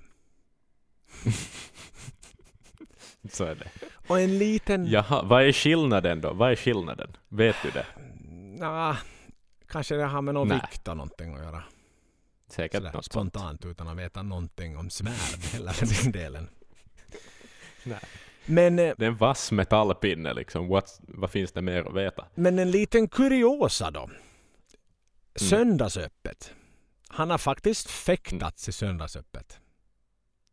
Aha! Mot eh, en svensk Yes. olympisk eh, fäktare då. Så, men det var inte i samma avsnitt som, eh, som Blaze var med Nej, det var ju på Det var ju på 90-talet. just 90-talet. det. Men det skulle ha varit hemskt, hemskt roligt. här var skulle ha varit, 2001. Om det skulle ha råkat vara samma. Det här var 2000. Jaså? Så det här är liksom Brave New World time. Kring den, när han Ha. är med i Söndagsöppet. Så att jag menar, så det, vi har lite håna Söndagsöppet och jaha, ja, ja, okej, jo då. Den Mm. liksom Angel and the Gambler sådär, mm, jo, jo. Men eh, Bruce Dickinson 2001 är gladeligen med i Söndagsöppet och fäktas, fäktas mot eh, Peter Vanke då, som är en, en svensk olympisk fäktare där. Mhm. Ser man på, hur gick det? Vet vi det? Han förlorade 8-15, Bruce tyvärr. Okej. Okej. Men ändå en, en god strid. Mm. Ändå. Det är ju inte överlägset, helt överlägset. Nej. Just det. Nej, och det hade väl att göra med någonting med det här foil-svärdet då. Att eh, han har sagt att ja, det hade varit hårdare om Bruce hade använt ett foil-svärd för att då han, han använde Mm. tydligen då det där andra svärdet egentligen och det var ju först E- 20, ep- epelé, epelé, som vi kallar det. 2013 han bytte till epelé. Så han använde liksom Just det. hur det nu var. Men han sa i alla fall att om, om de hade, för då spe, de, de fightades med epelé. Men hade Bruce fått ha sitt weapon of choice, sitt foil, Precis. så då hade, Just hade det. nog den här Peter Vanku konstaterat att inte hade jag vunnit honom 8-15. Han hade inte haft några armar och ben kvar. Om vi Nej, han hade varit ett knyte som hade fått gå. Ja. Och Bruce hade skrattat. Och sen han eh, ju Exakt. fått fäktas med lite olympiska vinnare till och med. Bartosz Piasek i Oslo i tiderna 2013. Mm. Och sådär.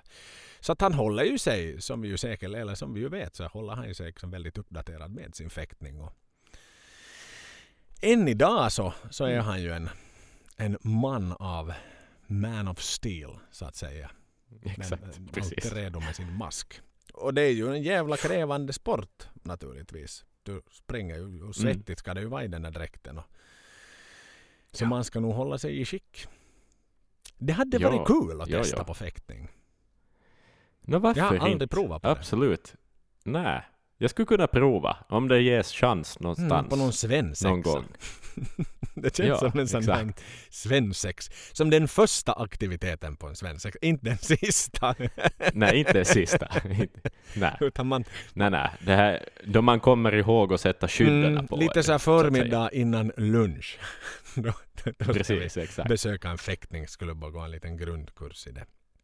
Mm, det här ska jag lägga på minne som en idé. det Åtminstone. jag. Det här är bra. Men vad, Det vilket svärd tänker du använda? Mm, epelé. Jag kör nog foil för det var ändå liksom... Jag är ingen sån här, eh, vad heter det, glory hunter. Bara för att Bruce bytte. Nej. Jag, jag är nog mera old school. Mm. Så jag kör Ja, foil. Samtidigt så skulle jag nog kunna tänka mig att svinga omkring lite på något sorts mera sånt här medeltida svärd också. Bara för att de är lite häftigare. Mm. Ja. Eller varför inte en sabel? En sabel hade ju också varit elegant. Ja, men det är inte fäktning mera då. också. Det, det, nej, nej, då är det, då är det då är det krig. mera tillbaks till East End. Dirty fighting. No, det var en hobby. Han har ju en till, Mm. eller det är väl mera ett, ett yrke. Får vi väl nog nästan kalla Exakt. det. Kanske lite förolämpande mot alla piloter som, som idag speciellt kämpar hårt med tanke på att det inte är så herrans många plan uppe i luften. Så. Nej, men, eh, men det börjar ju som en hobby. Flygandet då, ja. Ehm, vad ska vi säga? Rent konkret så börjar väl det hela eh, den 17 juli 92 i Florida, då han eh, flög, eller väl var med då så att säga, och flög i en Cessna 152. Eh, där han blev biten av, av Av piloten. flyginsekten, så att säga. Exakt. Exakt. Han blev biten av piloten. Bildligt talat. Eh, så det där, där blev han intresserad av flygning. Det här blir väldigt kortfattat här nu, men, men, men det ska ha avhandlas. Såklart. Det är inte lika detaljrikt. Eh, men det där, uh, konstaterar att det här är något han vill fortsätta med, och, och eh, enligt den här första flyginstruktören då, om han inte skulle ha tvingats dra, bort, dra vidare från Florida så skulle han ändå ha fått flyga ensam redan då, Oh. häv- hävdar, hävdade åtminstone flyginstruktören. Men eh, han, han eh, fortsatte väl hemma i England i, i RAF Flying School, där eh, han också insåg att, att det liksom är väldigt olika beroende på var i världen man är, det här med flygning. Att där var det mera analogt, man förlitar inte sig lika mycket på på kanske teknologi och sånt, utan saker skulle liksom räknas ut och man skulle kunna se matte och man skulle liksom, det var mera sådär Det, det var tråkigare. kanske. Det tråkigare, Det var inte exakt. "Äh, man fick inte flyga lika höjdbetan." man fick inte flyga lika högt Mhm. heller av någon eh, lagstiftningsmässiga skäl och så vidare. Allting är Eh, bättre i seder. USA. No, exakt, det är friare. It's the land of the free, Exakt. home of the brave. Det där, eh, men eh, så flygcertifikatet då, eh, så fick han i California i USA då i samband med att han spelade in Balls to Picasso, måste det ha varit då. Att det var då han, han tog tag i det på allvar och fick ihop sina timmar. Och tydligen är det också någonting som varierar väldigt mycket i USA. Alltså att Kalifornien är den enklaste delstaten att få flygcertifikat i. Som jag förstår boken i alla fall, på den här tiden. Det, det kan ju hända att saker har ändrat. Eh, ja, snabbspolning fram till 99 då, så, så införskaffades ju ett bekant eh, färdmedel, Joel. Vilket då? 2009? 99. Ja, The Bruce? Goose tänker du på. Ja, exakt. Ah, precis. En Cessna Mm. 421, hans första egna flygplan. Ja, han ägde det. Eh, Mm. Ja, så förstod jag det. Det var det, det, var det Varför första skulle han planet annars ha hett The Bruce hans. Goose? Han har Exakt, The Borrowed precis. Goose. Precis. Ehm, och eh, då... Vem fick inte åka med på Bruce Goose? Minns du det? Nico var ju med, Mm. Det rymde men vem var inte med? gitarristerna. De skulle Jaha. tvångsbonda på vanliga commercial airliners. Minns du inte? Just ja, så var det, så var det ju. Förstås. Enligt Rods, liksom ja, strikta schema. precis. Ja, tänk. Vad fint. Mm. Men det kanske är lika bra det. Nöff, de tre nya Närhet, öm, ömhet, fritid. Var det inte så det var i Torskbataljen? det var det de skulle ha. Ja. Närhet, ömhet, Tres fritid. amigos. För att liksom bli buddies Mm. igen. Och inte klösa ögonen ur varandra med gitarrsträngar. Nej, utan sitta och, sitta och bli eh, lulliga i business class istället. Ja, vad heter det? Men hans första, Bruce första egentliga pilotjobb så, eh, var som någon sorts sightseeing-pilot Mhm. i något ställe som heter High Wycombe, kanske man säger. I Vycombe. staterna? Eh, ja, exakt. Så där var det någon sorts eh, turist, turistnäring som han jobbade Wow. för eh, och, flög omkring folk.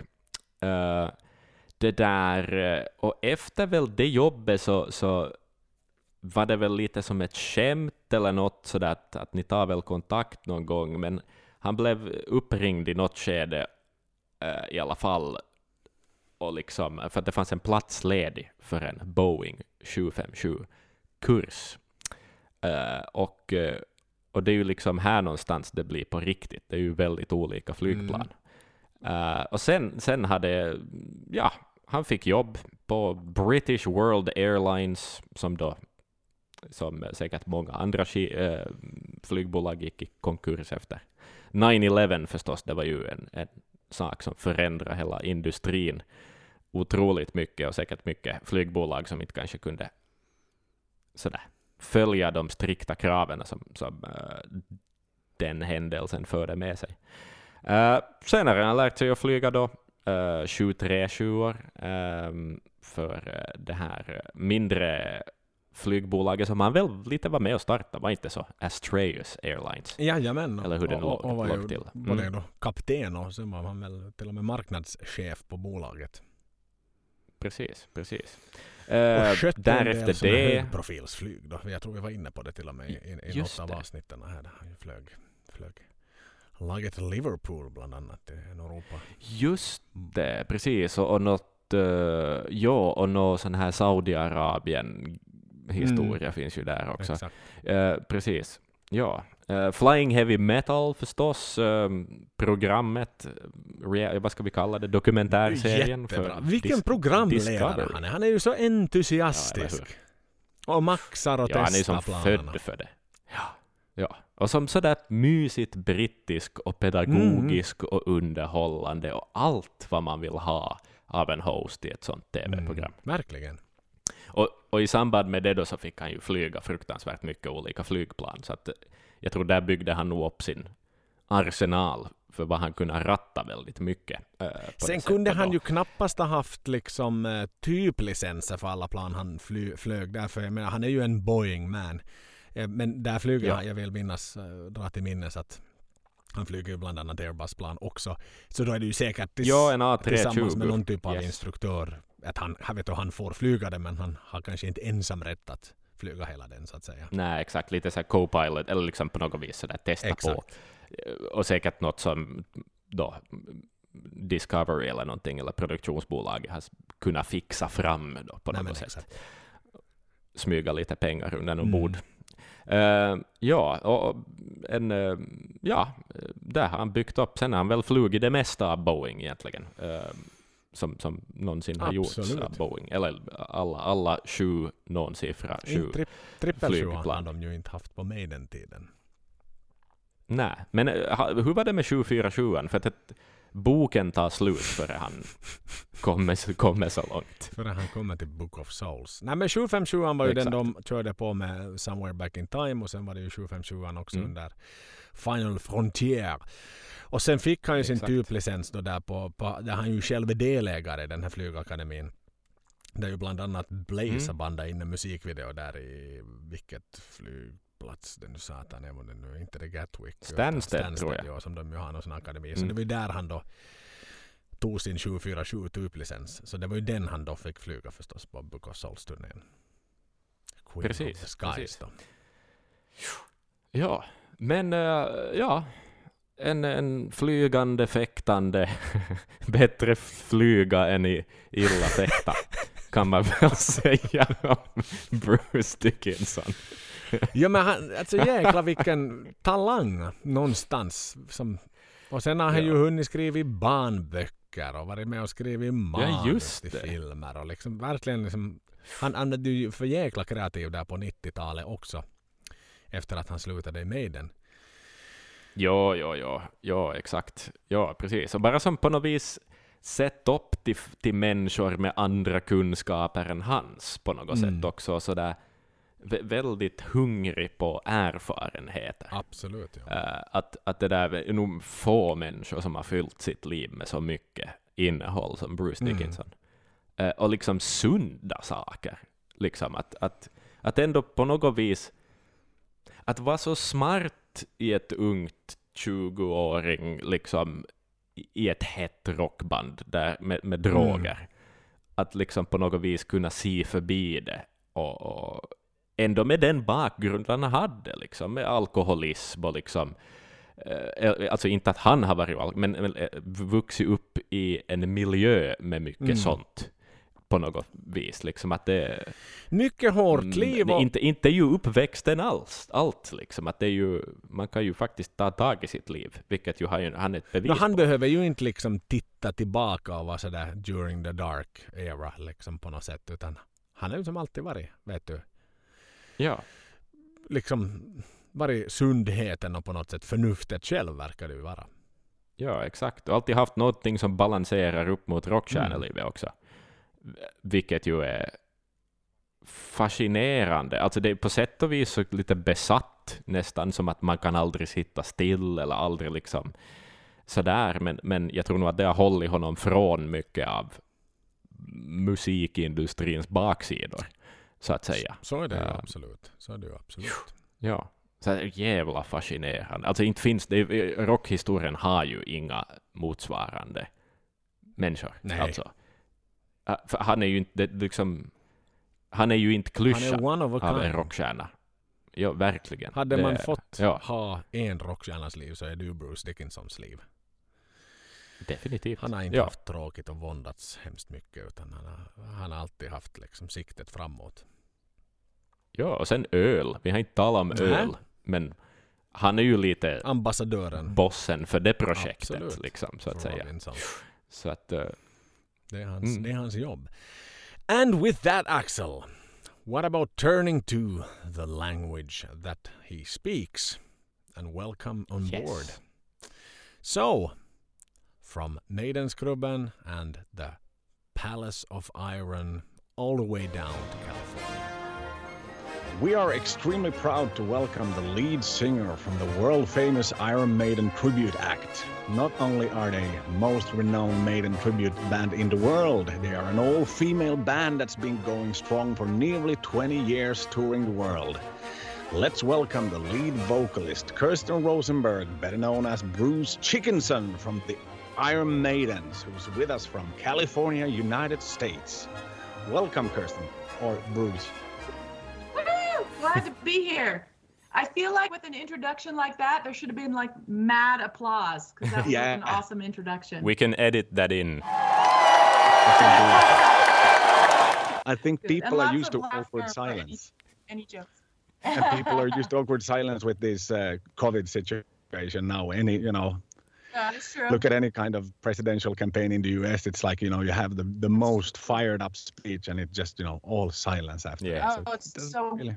We actually did uh, a live stream performance uh, back in July, and it was so weird uh, because you know there was no one in the studio except for the the camera people Mm. and the sound people, and so in between songs there was nothing, not even crickets. Yeah. So Yeah. awkward. Yeah, it is strange. And to not get any feedback Yes. even though you're playing live. Like you no facial expressions, nothing. Exactly. Right. I saw some And YouTube clips on that actually, but it looked, you looked Yeah. fired Oh, up. you? we tried. Uh, yeah, and Yeah. especially because Iron Maiden is such a crowd participatory band. Like, Mm. sing for me, scream for me, you sing it, let's hear it. You know, and it's okay. Clap along. Nope. No, Yeah. I can imagine that. I Sit imagine down that. for me. Uh, I don't know what, what to say. Yeah, right. Yeah. Yeah. All right, Axel. Yeah. You want to fire up the first I, I can. topic? Uh, if I understood it correctly and I read the Wikipedia article correctly, you've been a member since 2008. Is that right? It's actually 2009. Okay. It was April 2009. Yeah. Yeah. Well, like, how come you joined an Iron Maiden tribute band? Well, I um I was in a you know a couple of cover bands just for fun, and somehow I think I must have seen them on the the internet. I mean, that's the Iron Maidens. I'm like, and I'm a huge Iron Maiden fan, as was my whole band, you know.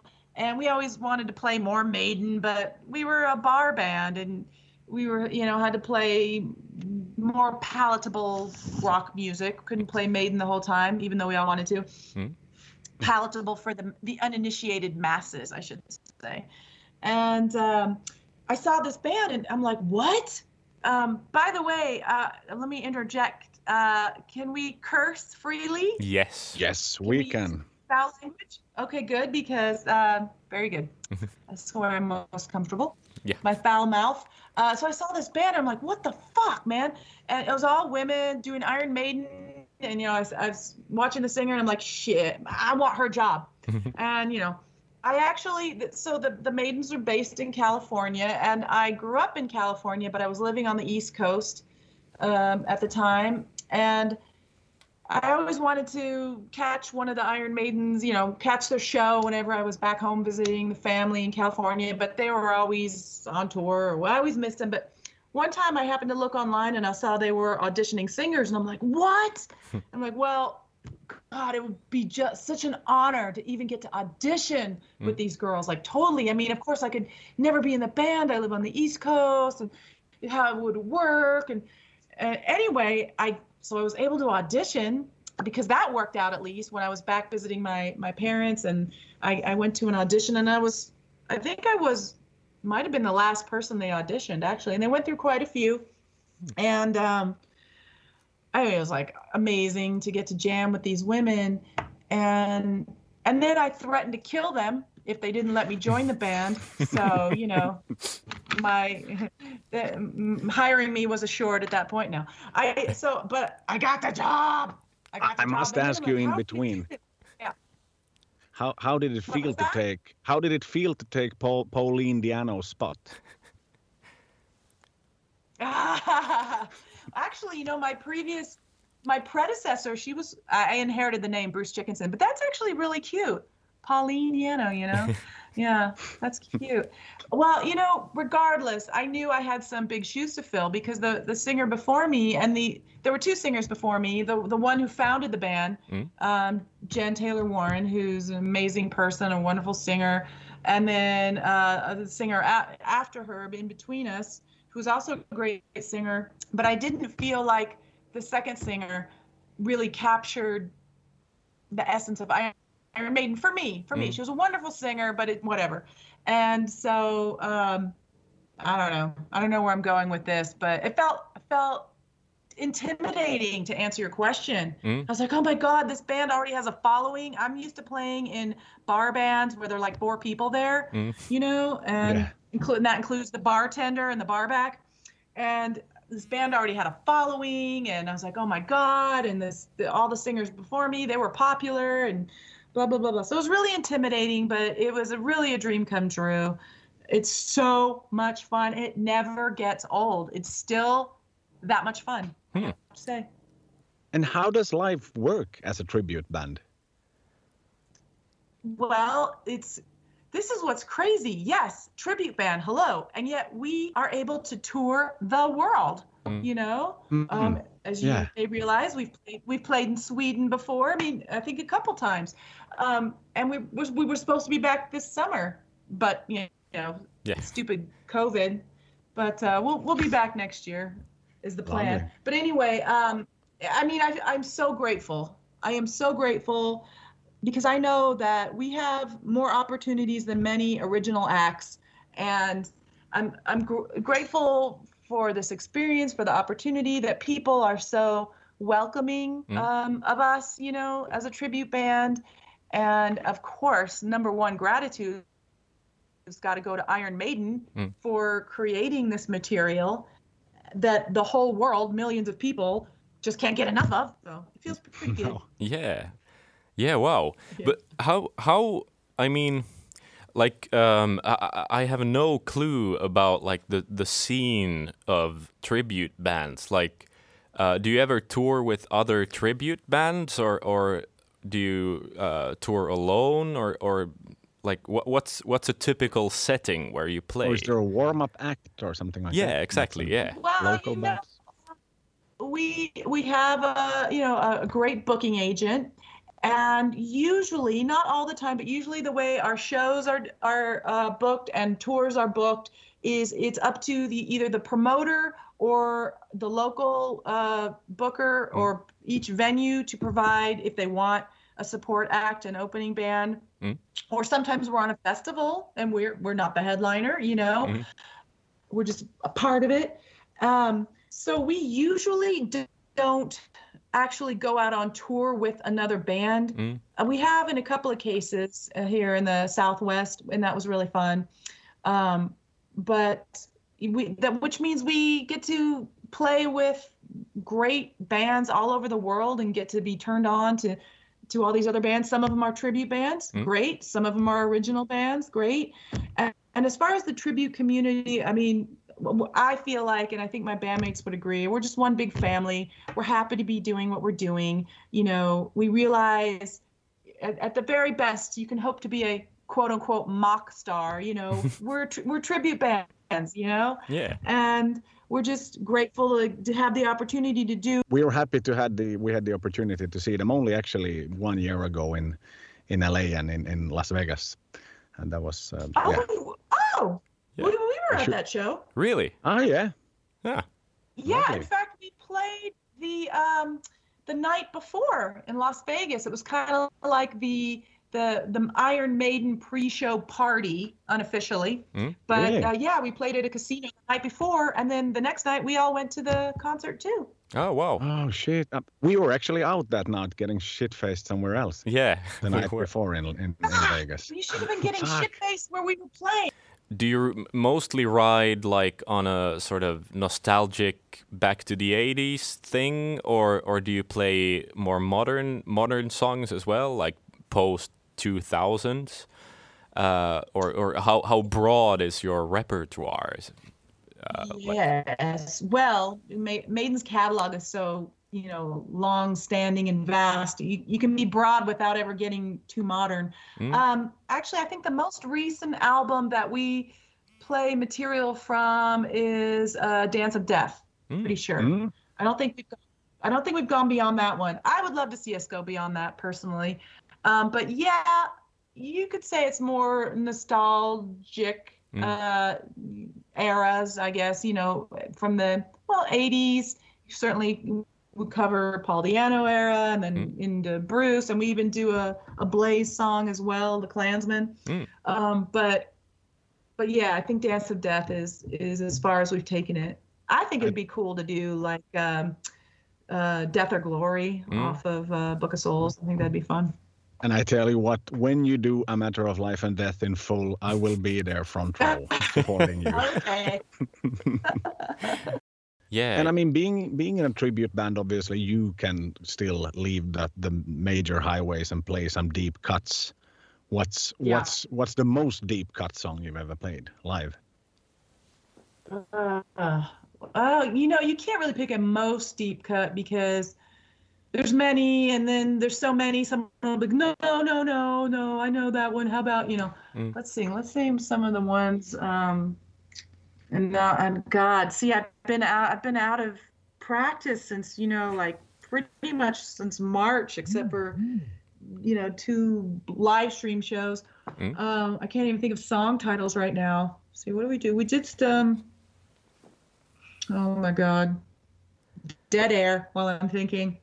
Or do you have a favorite do you have a favorite deep cut of some sort like some track they rarely play live or uh, some track you would like to play but don't really know if the audience knows that well or um, it's perfectly fine to say back in the Well, village. Oh, oh, let me tell you, love that song. love it, love it to bits. We have played that many times. Hmm. Um, I want to be playing that more. I love it. Love that song so much. Pretty much everything off Power Slave I love. But um, okay, what is the one off of oh god, Dance of Death, which I really like. Hmm? Oh, uh, Montsegur. Oh, wow. Fuck yeah. That's, That's a favorite of ours as well. song. Yeah. Isn't that a great song? And it's hard to sing though. You never get to take a breath. It's No, no. think about it. When you're singing along to that, you really never get to take a breath. Gotta No. singing. But um, I love that song. And when we, whenever we do it live, it's so heavy. And when- when, we started off, people were like, "Yeah!" Mm. But then all of a sudden, or maybe not quite a sudden, I don't think a lot of people really know that song Mm. because they're, you know, rather because normally you look out there and everyone's singing along. They know the words, of course, but sometimes I, I get a few blank blank looks, blank reactions, even though the song is so good. So I think that's a deeper cut that people don't know. Yeah. Um, what else? Uh, something off of some of the um, uh, first two albums. What did we just? God help me! I'm gonna have to Google. I can't remember song titles right now. It's fine. Uh, There's no stress Just, at uh, all.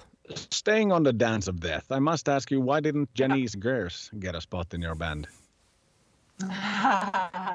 right. Well, we have done uh, maybe one or two shows. Maybe it's just one, where we did have a three guitar lineup, uh, which was really fun. It was with um, our current guitar player Nikki, and then uh, you know for old time fun, we brought back uh, Nita Strauss, who had sat in with the band for for some time before Nikki uh, joined. But um, so then we had our three guitar lineup. I think Nita was Yannick.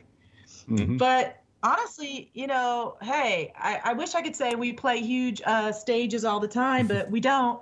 And having three guitar players, you know, on a small stage and in maybe a tiny touring van, um, get a little tight. Yeah. You know, just Yeah, you're gonna look like a school band. Yeah, something Yeah, like it. Yeah. Full orchestra. And you're scared that Blazine is gonna take her place sometime soon, or how does that look? Look at you coming up with those names. God, uh, no, no, no. You'll say you, you'll be safe. Otherwise, you can just make a comeback ten years later or something like that, That's true. That's right. That's right. Yeah. and then you uh, can finally step into the big arenas where you can actually fit Janice as well. That's true. That how it, that's, how it right. works. Yeah. Spontaneously, you uh, like you you said about Montsegur, um, like there's no room Yeah. for breath, and we know like Yeah. when Steve Harris writes lyrics, he he writes a lot of lyrics uh, at some in some songs. Um, like what? How do you like singing Steve Harris lyrics? Is it challenging, or or is it like? Are, are there too many words sometimes? It is challenging. It is very challenging. You know what though? You learn a lot. Hmm? I learn about um, you know, historical things, episodes in history and battles and famous writers and this and that. I remember when I was in uh I don't know what was like in sixth uh see I'm dating myself. Okay, I'm I said it. When I was in sixth grade, was it sixth grade? Maybe it was, it was eighth grade, it wasn't sixth grade. And uh, our English teacher brought in Iron Maiden's Rhyme of the Ancient Mariner, you know, just to talk about um, Samuel Samuel Taylor Coleridge or Coleridge Taylor. Yeah, the the the Mm. poet behind the Yes, exactly. yes. So I was like, hey, man, I know this song. But uh, yeah, it's a lot of lyrics. And a lot of times, a lot of times, terms and names Mm. that I've never heard before and are difficult to pronounce. Like there's a part in Alexander the Great. It's You a- played that one live? We do. Hmm. We do. We play that one live. And, uh, you know, like, uh, how it goes. And, uh, uh, ah, can't think of anything off the cuff. Alexander cut the Gordian knot. A, a legend said, yeah, there's so many words right there. Yeah. It's telling the story, you know, but it's funny because a lot of times I can't get all the syllables out fast enough.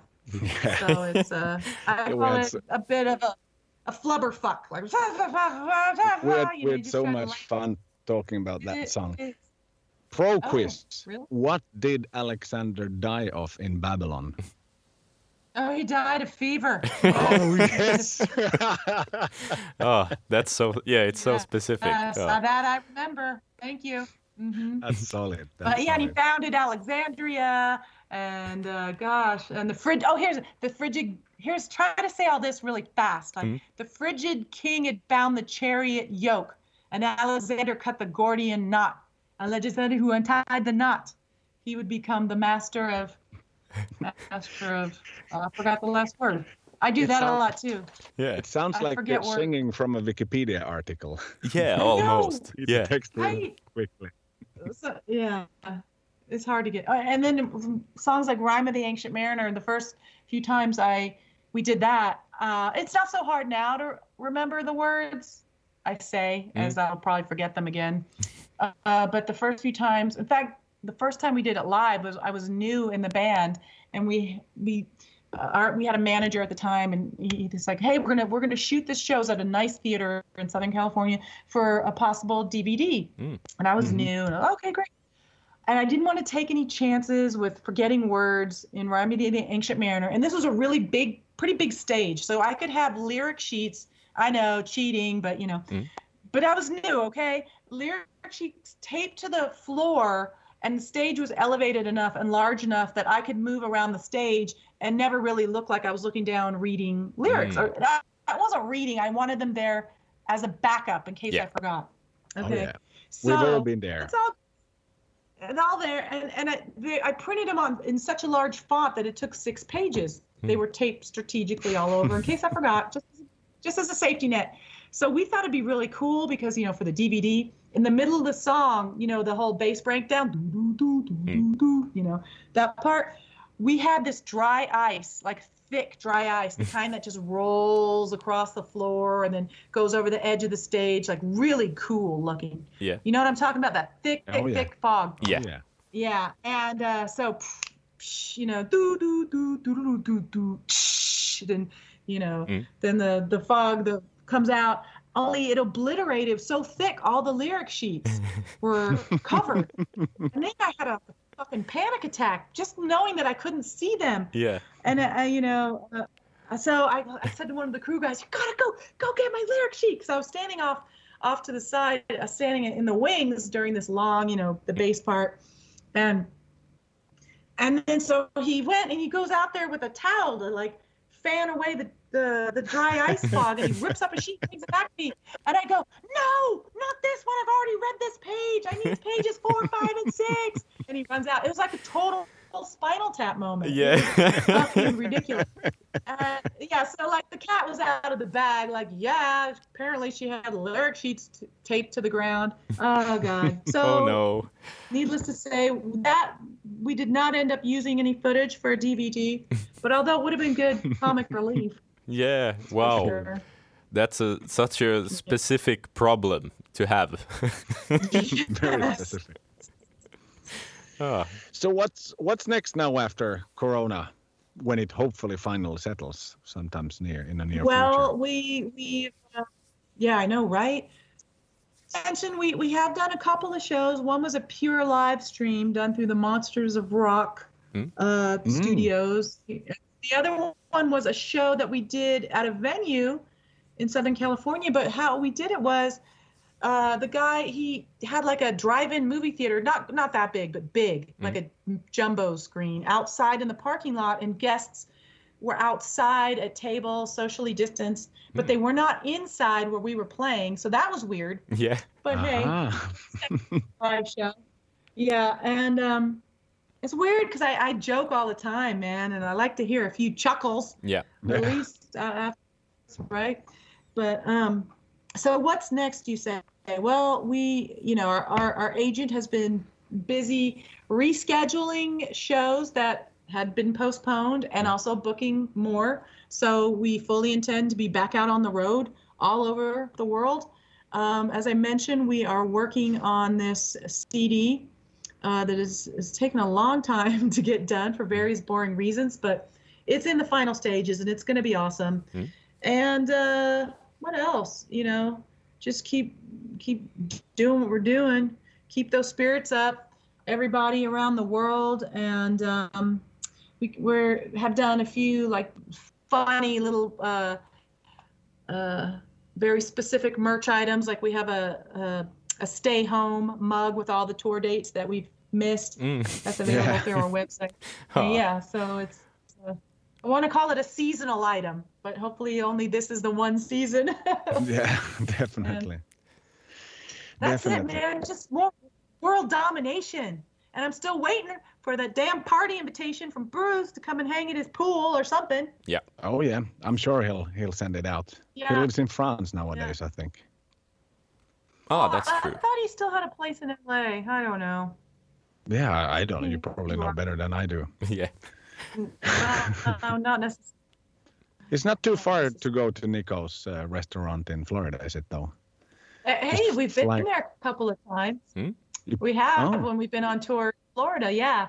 Unfortunately, he literally was like, "Oh, the day before we arrived, he was out on tour or was away or something." So we've missed him Oh. when we've gone there. But I know one of these days. One of these days. Yeah, yeah. It's good food there though. Really good food. It is good food. I'm vegan, but they do have a nice veggie burger, so I was very pleased with that. Yeah, that's good. I am nowadays too, but I wasn't when I went there, so I never Ah, tried out the The the vegan menu. Yeah, yeah. yeah. Super Axel. Yeah, I think I'm. Uh, w- I think we're pretty uh, satisfied. Uh, I think we asked all our questions that we had prepared, at least. Uh, is there anything you'd like to plug or something like uh, something uh, we should tell about uh, your band or or any news or yeah, just plug uh, p- w- some I some plug-in in Just, general. uh, yeah, just uh, you know, you can always go to our website, the uh, Iron Maiden's official. You know, is that our website? Now I feel like an idiot. I feel like I need to Google that. Is that it? The Iron Maiden? Isn't that funny? I don't even remember. It's the ironmaidens.com. Mm. And also, okay, our website is the ironmaidens.com, but on um, Facebook, we're the Iron Maidens official. Mm. You can always go there. But uh, stay tuned for that CD I'm talking about, and yeah. just upcoming show show dates. I mean, we we as of right now, we actually do. Fingers crossed, have two shows that are still scheduled. One's in Pennsylvania and one's in Colorado, coming up uh, in October. Mm. Yeah, October. People So, need live check- music, check out- especially Maiden They need live music. They need live music. Yeah. They Now do. is the time. Desperately, yes. And uh, let's hope you'll uh, you'll travel to uh, Europe and, and Sweden as well at some point. You ever played in Finland though? Uh, have we played in Finland? I don't think so. I know we played in Norway, Yeah. but I maybe we did do a show in Finland. God, this is terrible. My apologies if we have played there.